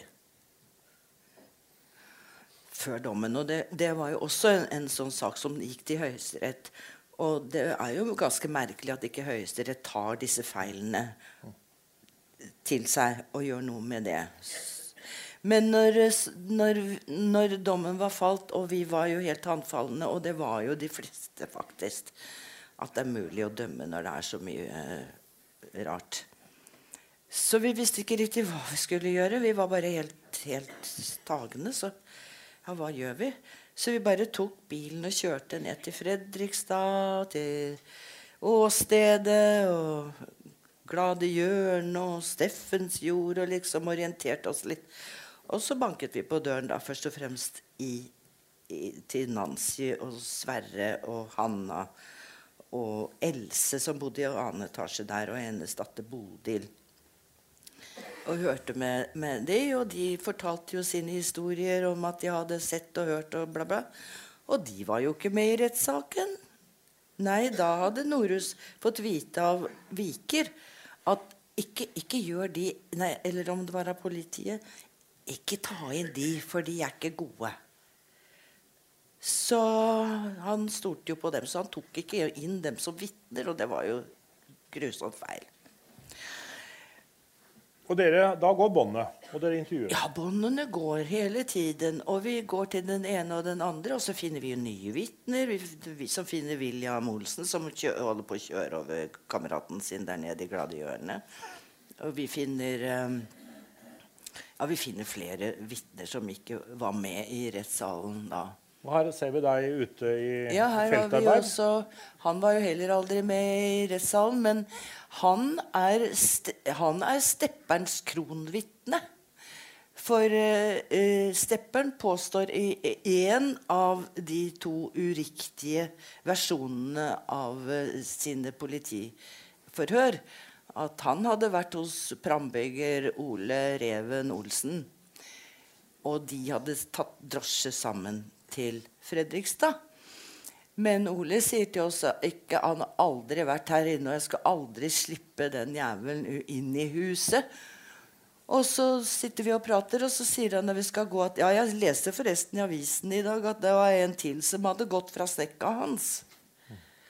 Og det var jo også det vi hørte, at det var så mange som hadde forsvunnet fra snekka hans på båttur.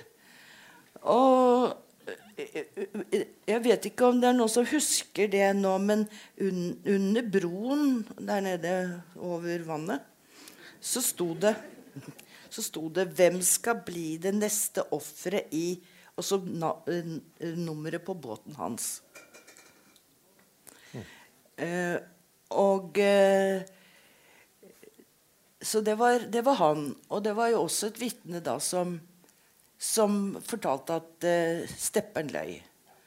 Så Stepperen hadde to uriktige versjoner. Her sitter jeg da mm. og opparbeider og min migrene. Ja. Og her ser vi deg jobbe. Ja. Det er enda en båndopptaker. Du ser rullebånd. Ja. Og mye jobb. Hvor mye tid brukte dere på dette? Jeg jobba jo hele tiden. Og vi jobba julaften, og vi jobba lille julaften og påske og Hver dag og hver natt. Veldig mye netter. Jeg har hørt, vet, Husker du nå hvor mange vitner dere snakka med? Eh. Jeg leste et tall at, det var 70 vitner dere oppsøkte. Kan det stemme? Sier du det, ja? Mm. det var jo mange vi oppsøkte flere ganger òg, da. Ja. Mm. 100 var... lydbånd ble det til slutt, har jeg også lest et sted. Så det var jo enormt materiale. 100? Oh, ja. Nei, det var mye og her, her er dere hjemme hos eh, Hanna, da, som er nærmest nabo? ikke sant? Ja. Hanna og mannen, og de var jo veldig syke. Altså Det gikk jo Hongkong-syken her nede, så alle var jo sånn helt dødssyke. Og Liland hadde Hongkong-syken, og det var derfor han, han øh, han hadde jo, han, hadde jo, han ble kasta ut av kona si, og så, tok, og så fikk han bo da tilfeldig i dette lille helvetet. Men to dager før julaften så fikk han en hybel der nede, da. Men han var jo altså veldig syk. Og hvorfor han sprang så mye opp til lille helvete, det var for at han hadde glemt medisinene sine der. Og så skulle han også feire julaften med disse guttene, da, som var vennene hans. Det var derfor han kom da opp. Nettopp. Eh, det neste bildet er vi nødt til å prate litt om, Vibeke. Fordi her er dere Og det her må antageligvis være på høsten 1970, kanskje? Mm. Eh, noe, eller, var nok i september, tror jeg. Ja, nettopp. Og her møter dere stepperen. Her møter vi stepperen, men det, vi, da har vi allerede vært hjemme hos ham og snakket med han og moren hans. og som sier at 'nei, han har ikke gjort det der, for det får han ikke lov av meg til'. og sånn. Men eh, så Vi er på Hotell City og skal hente noen aviser. Og eh, så sitter han der på en benk, og da har vi jo blitt gode venner, vi da. Så hei, Pussycats, og sånn og sånn. Og så forsøker vi å ta noen bilder, og nei, det vil han ikke. Og så sitter han der og vrir på seg, og så så tenker jo jeg da på de hårene i Johns hender. Som ikke var Johns, ikke Lilands. Og bare på det burde jo Liland fries. Men jeg tenkte at uh, Så jeg sier til han da at uh, du, du, har visst fått litt grå hår, er du? Å, har jeg det? Ja, ja, se her. Og så plukker jeg noen hår, da. Se her. Å, kan du ta flere? Og han ble, jeg syntes dette var gøy. Han. Så tok jeg de hårene og la en globoideske. Og de har vi da levert inn til politiet, og de har undersøkt de på gud vet. Og, men den, det resultatet da som kom av de hårene, de var bare så absurde at det var, ikke, det var ett brunt og ett kort og ett langt og et kromt og et uh, tynt og et uh, Alle mulige slags hår. Og det er jo ikke mulig at det kan være så mange forskjellige hår på ett og samme hode. Så det var jo bare liksom legge til siden, da. Men det var jo en morsom Men vet, situasjon. men vet du hvor disse hårprøvene Det tror jeg du får spørre politiet om. Mm. Men dere vet ikke? Du vet ikke? Nei, vi leverte det fra oss, og så fikk vi bare den der rare Eller den har vi jo sett et eller annet sted. Og så fortsetter dere og fortsetter og fortsetter å jobbe. og Dere, dere, dere, dere legger jo ned et voldsomt arbeid her. og Jeg må nesten få spørre om det ble, om det ble en slags besettelse til slutt. Eh, Jeg vil ikke si at det var en besettelse. Men når vi har da opplevd dette, og vi har spilt det inn på bånd, så, så føler vi at vi har et stort ansvar. Vi har sannheten inne på bånd, og vi har et ansvar. Og eh, vi eh, eh, legger ned butikken, og vi bare jobber med dette her. Og vi jobber med dette her fram til da eh, den, den 24. november 71. Da skulle vårt barn tas med keisersnitt. Men hun kom den 23. Og da var Sten ikke hjemme når vannet gikk, for han var og bandt sammen den utredningen som da endelig var ferdig. og den må jeg få lov til å vise nå. For det er litt av en uh, trykksak, må jeg få lov til å si. Flytte litt på. For dette Dette er altså da pussel, puslespill som kom ut i, i 1971. Ja. Og dette er da resultatet av det jobben dere hadde gjort eh, i det året som, eh, som eh, Jeg får nesten legge den her. Og den er altså Det er politidokumentene, og det er eh, obduksjonsrapportene, og det er eh, eh, eh, hele, hele mm, rettssaken utskrevet. Og alle de eh, vesentlige eh, vitnesintervjuene eh, som vi har ført. Og lengst bak så ligger det også en rapport fra en svensk eh, rettsmedisiner som har da vist oss at det der, det der er jo bare tull og tøys, det som de i Norge har gjort. Og denne sendte dere Hvem var det som fikk denne her? Eh, Ja, den, eh, den trykket vi opp i 20 tror jeg, eksemplarer, men 8 tror jeg det var som gikk. Og jeg lå jo på hadde født uh, datteren vår, så denne er tvillingen til vår datter. Så det er min baby, det her òg. Mm. Så hadde vi fetteren min. Han fikk stå nede på et lager og trykke opp dette på en, en kjempediger Xerox-maskin, så vi faktisk fikk låne gratis fra det firmaet. Og takk for det. For vi ble jo Vi hadde jo mye penger. Sten hadde jo mye penger. Vi hadde gullbutikken, men vi stengte den. Og vi ble jo blakkere og blakkere og blakkere og solgte unna og solgte unna det vi hadde. ikke sant? Og for, å, for å ha råd til dette her? ja. For vi kunne ikke gi oss. Vi ville ha den ferdig. Og så tenkte vi Så når den kom ut da i november, så tenkte vi nå er han ute til jul. og da skal vi feire. For dere var overbevist om at når, når denne først kom ut, da ville man ta til fornuft. Ja, det var jo bare å lese. Og F, hvorfor den heter Puslespill Hvorfor den heter Puslespill, det er for at eh, Viker i sin pledering han snakket om puslespillet de hadde gjort av politiet, og det hadde blitt så fint så at det skjønte de at Liland var skyldig. Men vi har gjort et puslespill på Stepperen. Det som i stort sett du dro der, da.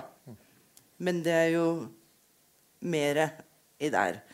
Så, og da ser man jo at de tidene han ikke er på Steffens vei, så er han der. Så blir det bråk der oppe.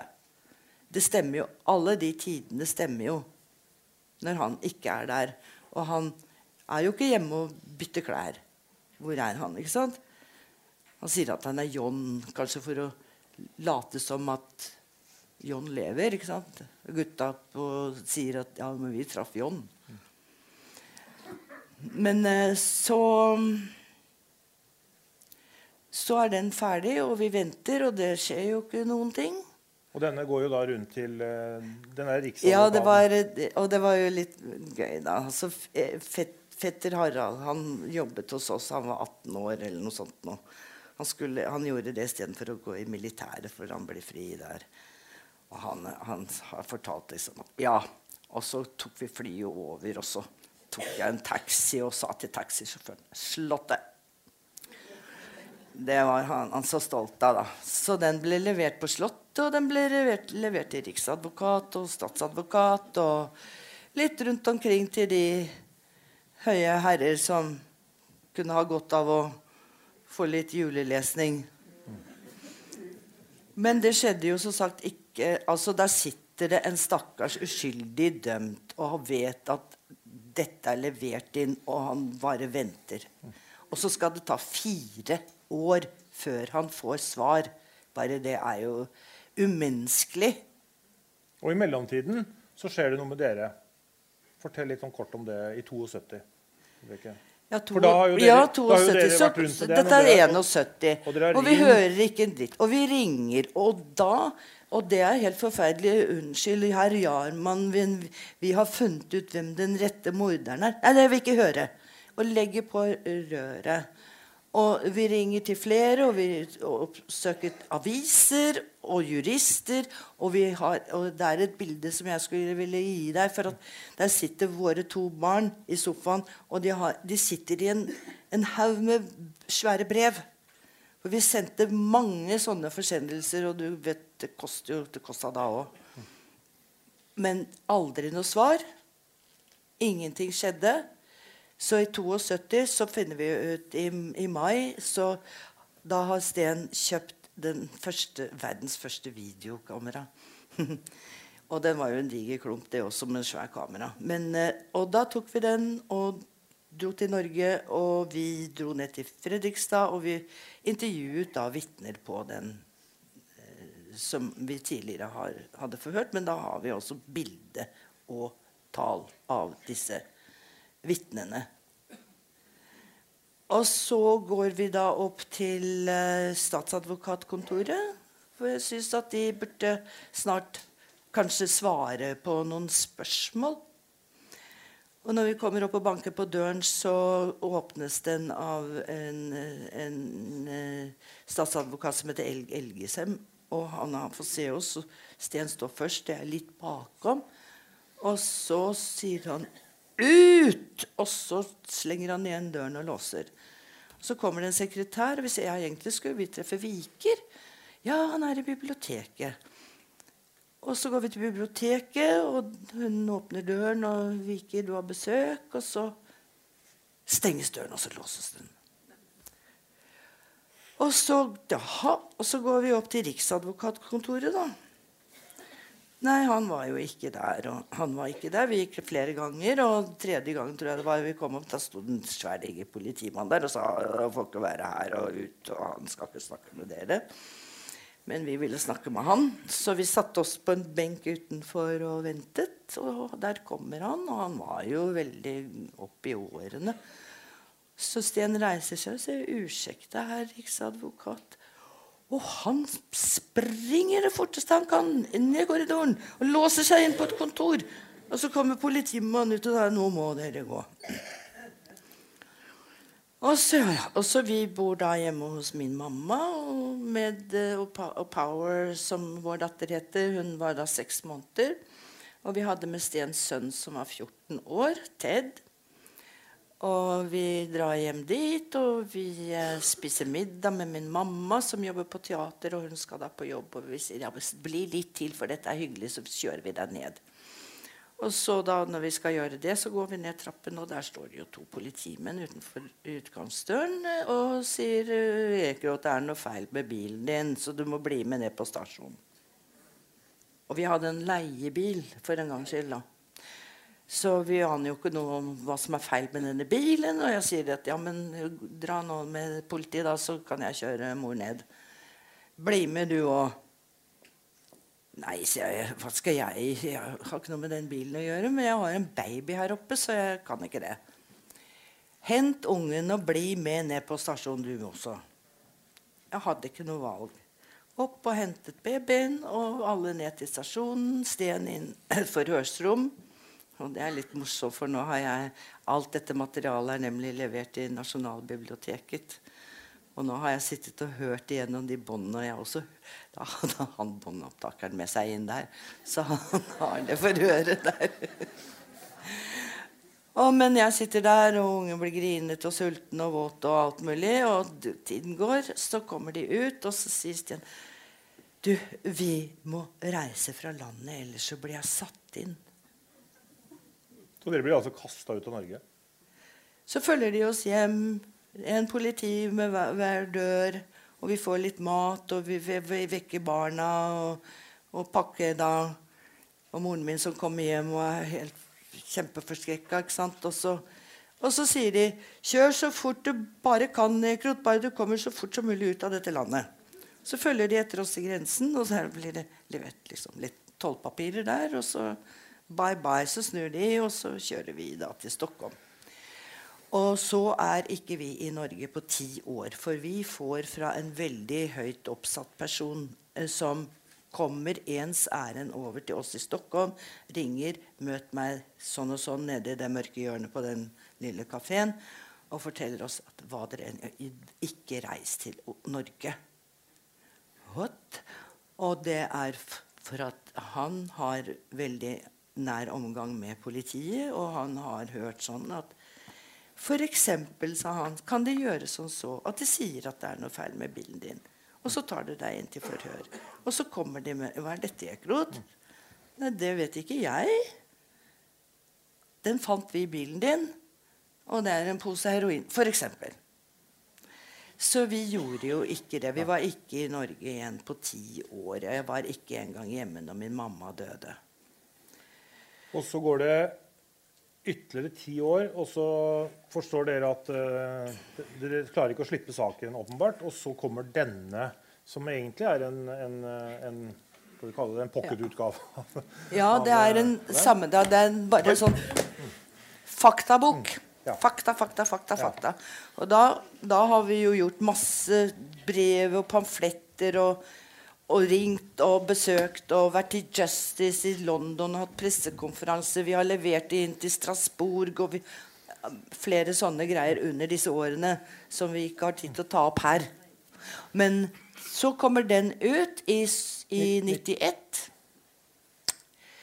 Og den sender vi også ut til alle mulige personer som kan være Kanskje noen gidder å lese det, og, og, for vi får jo aldri noe svar på noen ting. Og da svarer Tore Sandberg. Og da ble det ble en lettelse, og det var jo så herlig at han svarte.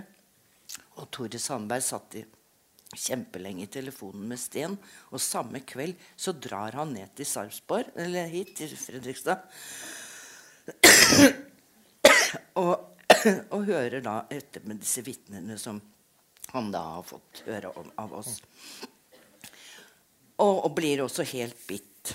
Og så går det da et år, og da har han skrevet en bok. Veldig mye med hjelp av oss. Eller vi skrev den faktisk sammen, på en måte. Den der har jeg retta flere ganger, den også. Og det er da ekstraoppnevnt? Den, ja. ja. Og da Men, begynner det å skje noe? Ja, ikke med det samme, men han, Tore hadde jo samme geist som Sten. At ikke så Kalte han for tog. Eller lokomotivet. Han bare gikk på. Gudskjelov. Så var den ferdigskrevet, og så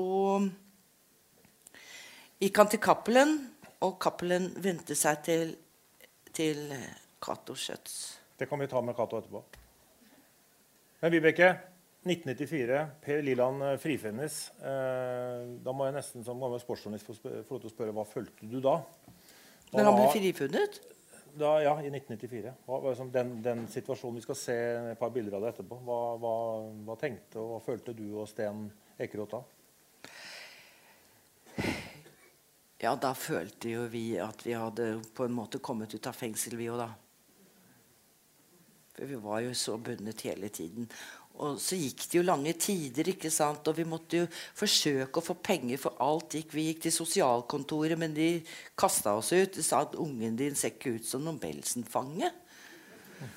Blant annet.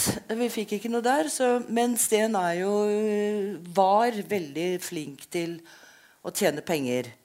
Men under disse årene her så har vår mentalitet, spesielt av han som var ganske langt ifra å være ømsint, eh, så forandret han seg veldig, og jeg også. Vi fikk et helt annet perspektiv på livet og døden og alt mulig. Og også dette med å tenke med hodet eller å tenke kanskje litt med hjertet. Også gjøre noe for andre utenfor seg selv. Men, men Vibeke, vi har jo sett nå gjennom denne saken nå, og det får nesten bli det siste spørsmålet. Eh, det er jo, det er jo en, eh, en, verden av menn her. Eh, alvorlige menn. Jeg merka det. og hvordan følte du at du som kvinne, eh, vakker kvinne på å si sånn, i, i dette her, liksom, følte du at du ble tatt på alvor? Eh, Skjørtekanten min ble veldig tatt på alvor. Hva? Skjørtekanten min ble veldig tatt på alvor. Ja. Men ikke noe annet. ikke sant? Så det er jo det, er jo det som vi kvinner får, har fått leve med i, i alle tider. Vi regnes, noen ganger når folk kommer styrtende fram til Sten, og, og, og Sten sier eh, Sten Ekrot, så har jeg trukket fram hånden og sagt 'Ribben'. Men eh, så, eh, så, alltid så har det jo vært Sten Ekerot, Det har jo aldri vært meg. ikke sant? Nå er jo han talsmann, og han er mann, og han skal være den som Og det er helt greit for min del, for jeg er ikke etter å behøve å stå frem i noe lys.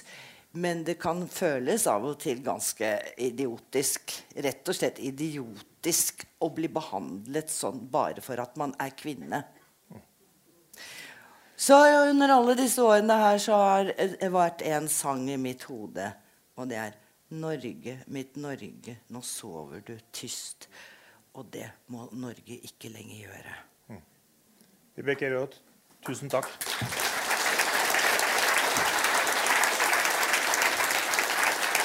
Oh. Ja.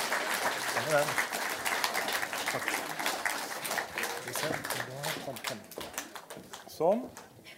Tusen, tusen takk, Vibeke. Det er interessant å høre denne historien fra deg som har levd så tett på den. Uh, vi har møtt ham ja, vi har møtt ham før i kveld. Skal vi se bare for, uh, Du er klar, Kari? Vi har møtt ham før i kveld, og vi har sett at det på 1990-tallet var mange som jobba for å få PF Liland frikjent og dommen omgjort.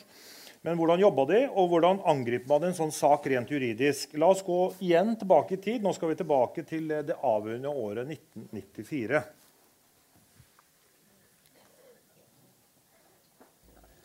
Min stilling er livstidsfange, men du kan gjerne skrive rørlegger. Mannen som i 25 år har kjempet for å bli kvitt stempelet som øksemorderen fra Fredrikstad, kostet på seg en liten, men likevel alvorlig ment morsomhet da han nok en gang møtte i Eidsivating lagmannsrett i dag. Dette skulle bli Per Lilands store dag. Dagen da han fikk friheten tilbake. Ikke minst takket være ildsjeler uten juridisk embetseksamen. Jeg lurer på, jeg har tenkt mange på hva eh, sier om all den overtiden og greier, om det er lovlig i hele tatt. Hvorfor tror du han har gjort det? Idealisme. Kjempe for rettferdigheten. Vil du nå føle at du står i en evig takknemlighetsgjeld til, til Sten Ekeroth spesielt? Ikke bare føler, jeg gjør det. Det er jo klart.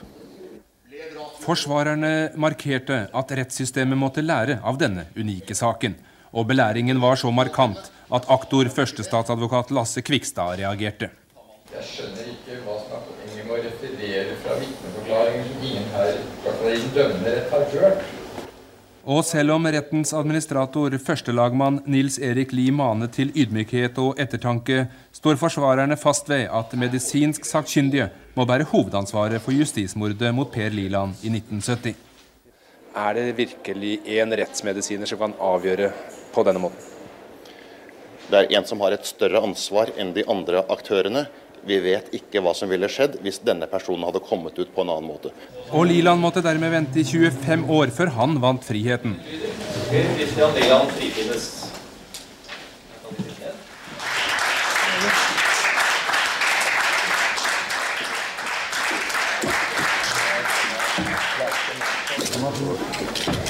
Nå, nå skal vi feire. Hva gjør du i morgen, Per? Ja, manjana, manjana, hva er det? Ingen vet hvor morgendagen bringer, men jeg tenker ikke så langt framover engang. Ja, Cato. Uh, dette var jo et spesielt øyeblikk. Uh, jeg, jeg, vet ikke om jeg kan få lov til å spørre om, det, om du kan rangere dette her av dine øyeblikk som jurist? Nei, Det tror jeg jeg sa innledningsvis. Det er klart at um, Liland-saken er den største. Det er den viktigste saken eh, som jeg har hatt. Eh, og dette var jo prikken over i-en på den største saken. Det var, um, det var helt fantastisk. For Ole Jakob var jeg Vi hadde selvfølgelig tro på saken, men vi visste jo at ingen alvorlig straffesak var blitt gjenopptatt eh, siden krigen. Eller etter krigen. så vi var jo forberedt på en skuffelse. Så da blir jo gleden desto større. Så, så, så, du var ikke en kald jurist her? Du var, ble, du oppriktig, altså ble, du oppriktig, glad og overraska når, når, når, dommen falt? Jeg ble ekstremt lettet. For jeg var veldig sikker på at dommen var gal. Og da ble jeg lettet ikke bare på Lilands vegne, men fordi at systemet i Norge fungerte. Alternativet hadde vært å sementere et alvorlig justismord. Og det hadde jo vært et, en systemkrise. Men slik ble det heldigvis ikke. Hvordan kom du borti denne Liland-saken? Det må du nesten fortelle oss. Det har vel litt sammenheng med de bøkene som ligger foran. Fortell oss om, om hvordan du ble, ble, dratt inn i denne saken, Cato. Da er vi tilbake i 92. Da hadde jeg vært i Skjøtt i 14 år. Jeg jobbet tett ved en av de største advokatene i generasjon Norge, Andreas Skjøtt. Skjøtt og Skjøtt. Mange tror vi er i familie. Det er vi ikke. Han hadde en stor portefølje med avisklienter og forlagsklienter. VG, Aftenposten, uh, TV 2 osv. osv. og mange forlag. Hele Hjemmegruppen, Egmont-gruppen. Uh, så kom Tore Sandberg med sitt manus. og jeg sa i går at det var til Cappelen. det var det ikke, det var til Scanbook, som var en del av Egmont-gruppen. Og Egmont-gruppen, de som hadde da ansvaret for å anta boken, de leste jo gjennom boken, og så så de jo at her ble det utpekt en alternativ drapsmann. Han var død, men man kan ikke injurere avdøde heller. Så de var selvfølgelig livredde for at man skulle få et søksmål fra stepperens arvinger, og at man ikke kunne uh, bevise at stepperen var morderen. Uh, og de var selvfølgelig engstelige, og de ville ha en juridisk vurdering om de kunne utgi boken i det hele tatt. Uh, og jeg hadde på den tiden drevet mye med ytringsfrihet. Det har jeg gjort hele mitt liv. Så jeg leste manus, og så så jeg med en gang at dette var virkelig et problematisk manus. Og at mulighetene for å bli dømt, hvis det skulle bli sak, var store. Nesten, nesten overveldende. Så jeg skrev en forlagsinnstilling og sa at um, denne boken holder antagelig ikke juridisk. Men jeg vil anbefale at boken utgis allikevel, for boken er så viktig at uh, da får forlaget bare ta den økonomiske belastningen. Uh, det er um, i den store sammenhengen en peanuts i forhold til nødvendigheten av å få ut denne helt sentrale boken. For uh, det, det, var en bok som, som gjorde virkelig inntrykk. Og jeg, jeg, jeg, jeg, skjønte intuitivt at her var det noe galt. Og da jeg sendte den til Scanbook, så viste Scanbook forlagsuttalelsen til Tore Sandberg, som igjen viste den til Sten Ekeroth. Og så var de i grunnen da ganske fornøyde med, med konklusjonen. Eh, og de mente da at de, når jeg flagget et så sterkt engasjement i saken og tok et så klart standpunkt, så mente de at jeg var mannen for å føre en begjæring om gjenåpning eller gjenopptakelse, som det den gang het, i pennen. Så de oppsøkte meg på mitt kontor og sa at du må, du må ta gjenopptakelsessaken. Jeg sa at jeg er partner i et, et av landets største firmaer. Vi driver med forretningsjuss. Nå det, vi driver ikke med blod, sele og dop i det hele tatt. Og, og dette, bare, dette, vil mine partnere si at bare smusser til vår fine forretningsjuridiske profil. Vi driver med helt andre ting enn med, enn med domfelte fra hva skal jeg si, bunnivået fra, fra Fredrikstad. Men eh, jeg kan gå til mine partnere og så kan jeg, kan jeg spørre. Og så fikk jeg da full backing fra Neus. Hvis du tror på saken, så så skal du ta saken. Og så sa jeg ja, men eh, jeg har ikke drevet med strafferett. Jeg må ha med meg en erfaren strafferettsadvokat eh, som jeg kjenner, og som jeg har respekt for, og som jeg har tro på. Så ringte jeg Ole Jakob Bae og fortalte om denne boken, og at jeg personlig var rimelig sikker på at her var det, her var det utenkelige skjedd. Og spurte om Ole Jakob ville være med.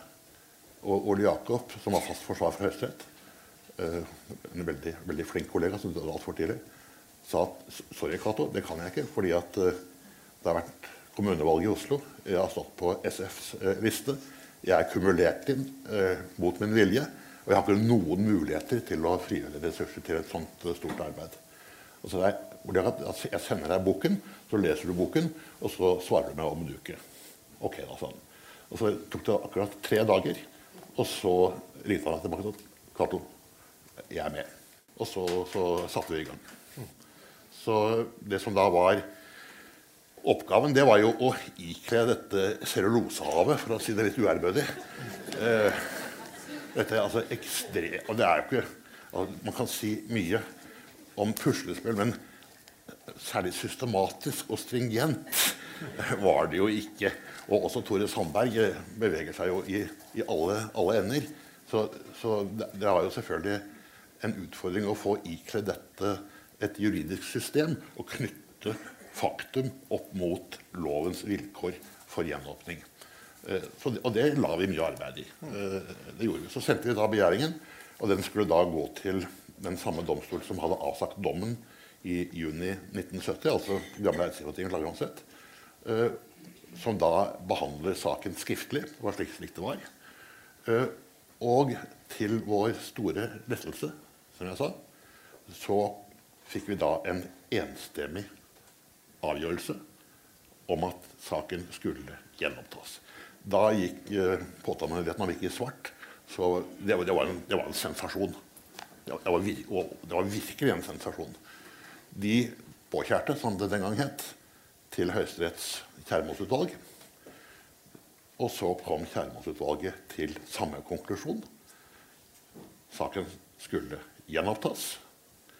Og da eh, skal det egentlig være en ny hovedforhandling. Eh, men det var selvfølgelig helt håpløst å få Liland dømt eh, over Hvor lenge blir det? 70, to, nesten 25 år i etterkant.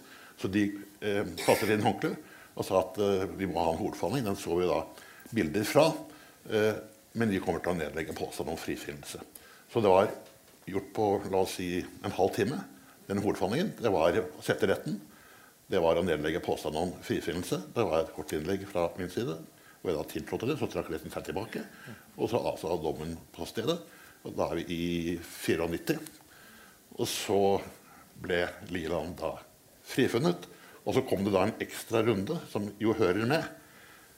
For da skulle Liland få erstatning og oppreisning fordi den overgrep, eller de overgrep, det ødelagte livet som han da hadde hatt som et resultat av dette justismordet.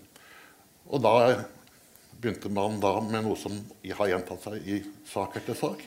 En lang kamp mot påtalemyndigheten. Samme påtalemyndigheten som hadde motsatt seg gjenåpning.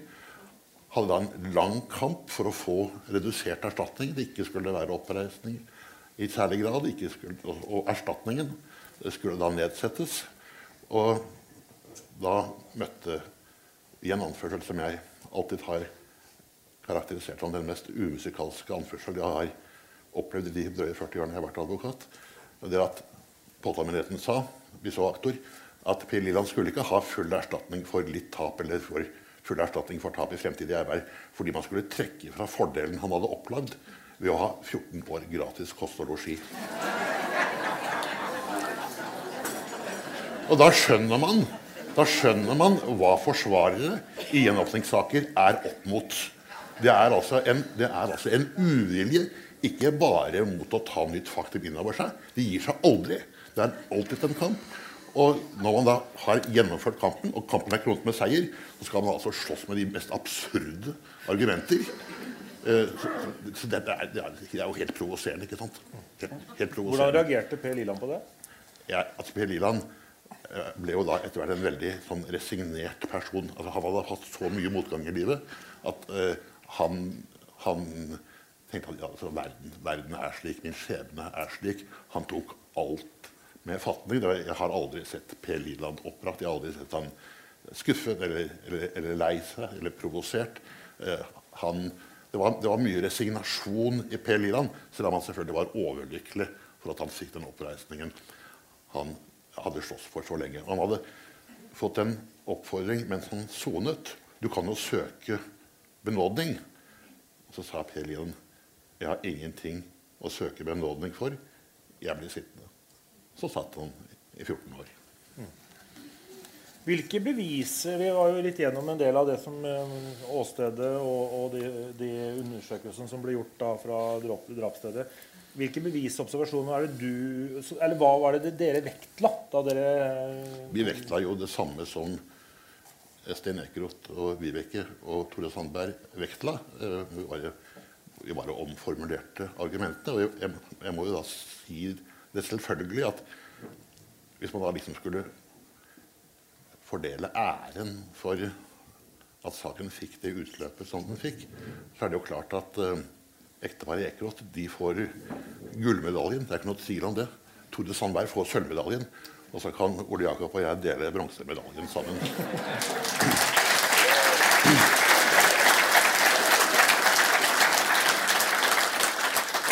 Og det er jo også slik um, at um, jeg hadde da gleden av å ha full backing fra advokatfirmaet Skjøtt. Uh, mine partnere sa, selv om det var altså en sak som var til de grader på siden av det vi uh, drev med og driver med, uh, stort sett, så, så sa de altså Kato, hvis du tror på saken, vi er bak deg. Du kan bruke så mye tid du vil, du kan bruke så mange av firmaets ressurser som du vil. Ikke tenk kroner, ikke tenk timer. Uh, dette, dette står du helt fritt til. Kunne, var, kunne det skjedd i dag? jeg tror nesten jeg må si dessverre nei. Men uh, det vil, det vil nok skje det Nå jobber jeg jo med Torgersen-saken. Uh, den har jeg jobbet enda mye mer med. Så, så det er jo alltid slik at når advokater tjener i de store firmaene tjener som, som de gjør, så har jeg alltid argumentert for at jo Jeg siterer av og til Pippi Langstrømpe eh, i firmasammenheng. Hvis man er veldig sterk, må man være veldig snill. Um, og hvis man er veldig ressurssterk, så må man også ha et uh, gratishjørne på pulten hvor man tenker annerledes. Slik at advokatvirksomhet uh, også har et, uh, ikke bare har et, en karakter av børs, men også et, en, et, et anstrøk av, av katedral. Men i denne saken så har vi altså takket være fordi dere kunne bruke tid og ressurser uten å egentlig få noe igjen for det, rent Ja. økonomisk. Ja. Vi har familien Ekeroth som Ja. ja, du, Vi hørte jo her. De ender opp som Det er, det, som er, det er jo det som er det forferdelige. Altså, det er jo helt avhengig av, av frivillighet her. Ja, og, og hvem er det som Hvem av de som er blitt utsatt for et justismord, har, den, har det hell å treffe noen som har krefter, som har økonomi, som har idealisme til å stå sånne ekstreme løp? Eh, vi har et system i Norge som gjør at det er veldig vanskelig å arbeide med gjenåpningssaker fordi at det ruinerer de som, eh, de som kaster seg inn i dette. Det burde selvfølgelig være en offentlig oppgave. At man kunne et eget organ eh, som kunne arbeide og stille ressurs, arbeide med gjenåpningssaker. Som kunne stille ressurser til rådighet for dem. Men det, men det har vi ikke. Det er, det er et rått parti. Det kunne vært slik at de store advokatfirmaene kunne gått i bresjen her. Og det er litt stusslig at de ikke i større grad eh, tar et sosialt ansvar i denne type saker. I dag så er jo eh, etterforskningsmetodene til politiet ganske annerledes. Eh, vi har jo et langt mer avansert eh, metode. Vi har DNA-bevis. Vi kan mm. undersøke ting på en, eh, via, via telefoner. og vi kan... Ja. Men kunne denne saken, hvis, den hadde, hvis det hadde skjedd i dag, kunne den ha, ha blitt uh, uoppklart? Hvis den hadde skjedd i ja, det, 2019? ja, det kunne den sikkert. Men eh, vi vet jo alle sammen at uh, nå har vi fått DNA-bevis. Um, og det ville jo være rart om man, hvis man hadde hatt adgangen til å innhente DNA-undersøkelser i 1969, om man da ikke hadde funnet uh, noe. Uh, morderen må eller etter all sannsynlighet, må ha etterlatt seg DNA-spor. Så jeg går jo rundt og tror at med dagens metoder så hadde det vært mulig å finne frem til, eh, til um, morderen. Og det er jo også slik at når man snakker om stepperen um, det er jo, Man kan godt argumentere for sannsynligheten av at stepperen var drapsmann, men jeg har ingen tro på at de bevisene var av en slik karakter at de hadde holdt i en fellende, i en, til en fellende dom. Uh, det kan være indisier, det kan være sannsynlig. Men han skal altså dømmes hvis, uh, det er, hvis, det er, hvis, man ikke er overbevist. Og, og, bare det at det ikke var stepperens hår antagelig som var i avdødes hånd, er jo et, et, et tankekors. Du sa at ingen, alle skal være uskyldige inntil det er bevist at inntil det motsatte er bevist. Det er jo da en liten ri, ri på det, da, som da, man da sier om advokater. Eh, advokater i dag sier at enhver mann er uskyldig inntil det er bevist at han er blakk.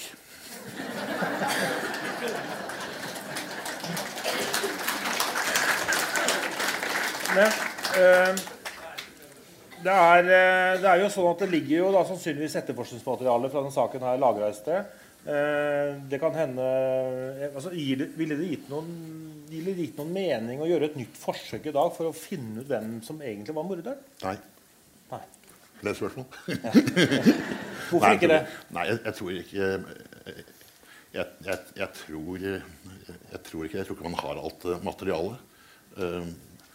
Noe materiale var jo allerede forsvunnet da vi arbeidet med saken. For det var jo nemlig en såkalt matrekvisisjon i lommen til en av de avdøde. Lurer på om det var Johansen. Uh, han hadde gått på sosialen, fått en matrekvisisjon.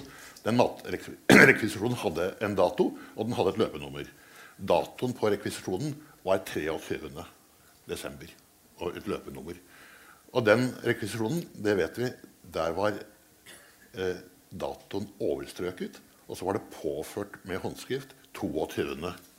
desember og med et annet løpenummer. Og den rekvisisjonen var vi jo selvfølgelig veldig interessert i. Hvor var den? Borte. Borte. Pussig. Cato, får vi noen gang svar på denne drapsgåten? Nei, jeg, jeg, tror ikke det. Men jeg kan si en ting til slutt som jeg, jeg begynte med som jeg begynte med i går og i, i, i forgårs.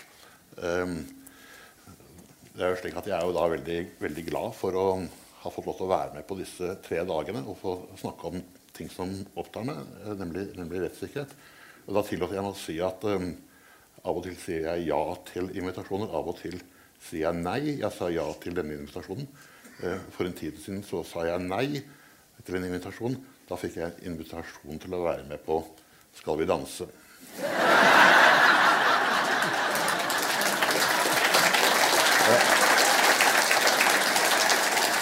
Vi, vi, skal alle være glade for at jeg er her og ikke på parketten i tv Tusen takk til deg, Cato. Men bare bli sittende. Eh, for Jeg har bare lyst til å avslutte nå. Eh, men jeg vil bare si en liten ting. Kjære alle sammen, takk for at dere kom. Takk for at dere har brukt tid til, eh, til en viktig, men samtidig trist del av Fredrikstads historie. Og så håper jeg dere har fått i løpet av denne kvelden eh, bedre innblikk eh, i saken. Den er både trist, men også litt fascinerende, selvfølgelig. Og at dere har lært litt, fått muligheten til å reflektere litt. Og ikke minst at dere går ut herfra i dag og gjør det som så mange gjør og har gjort før dere, nemlig å gruble. Nå har du hørt en podkast fra Litteraturhuset Fredrikstad. For mer informasjon, klikk deg inn på litthusfred.no.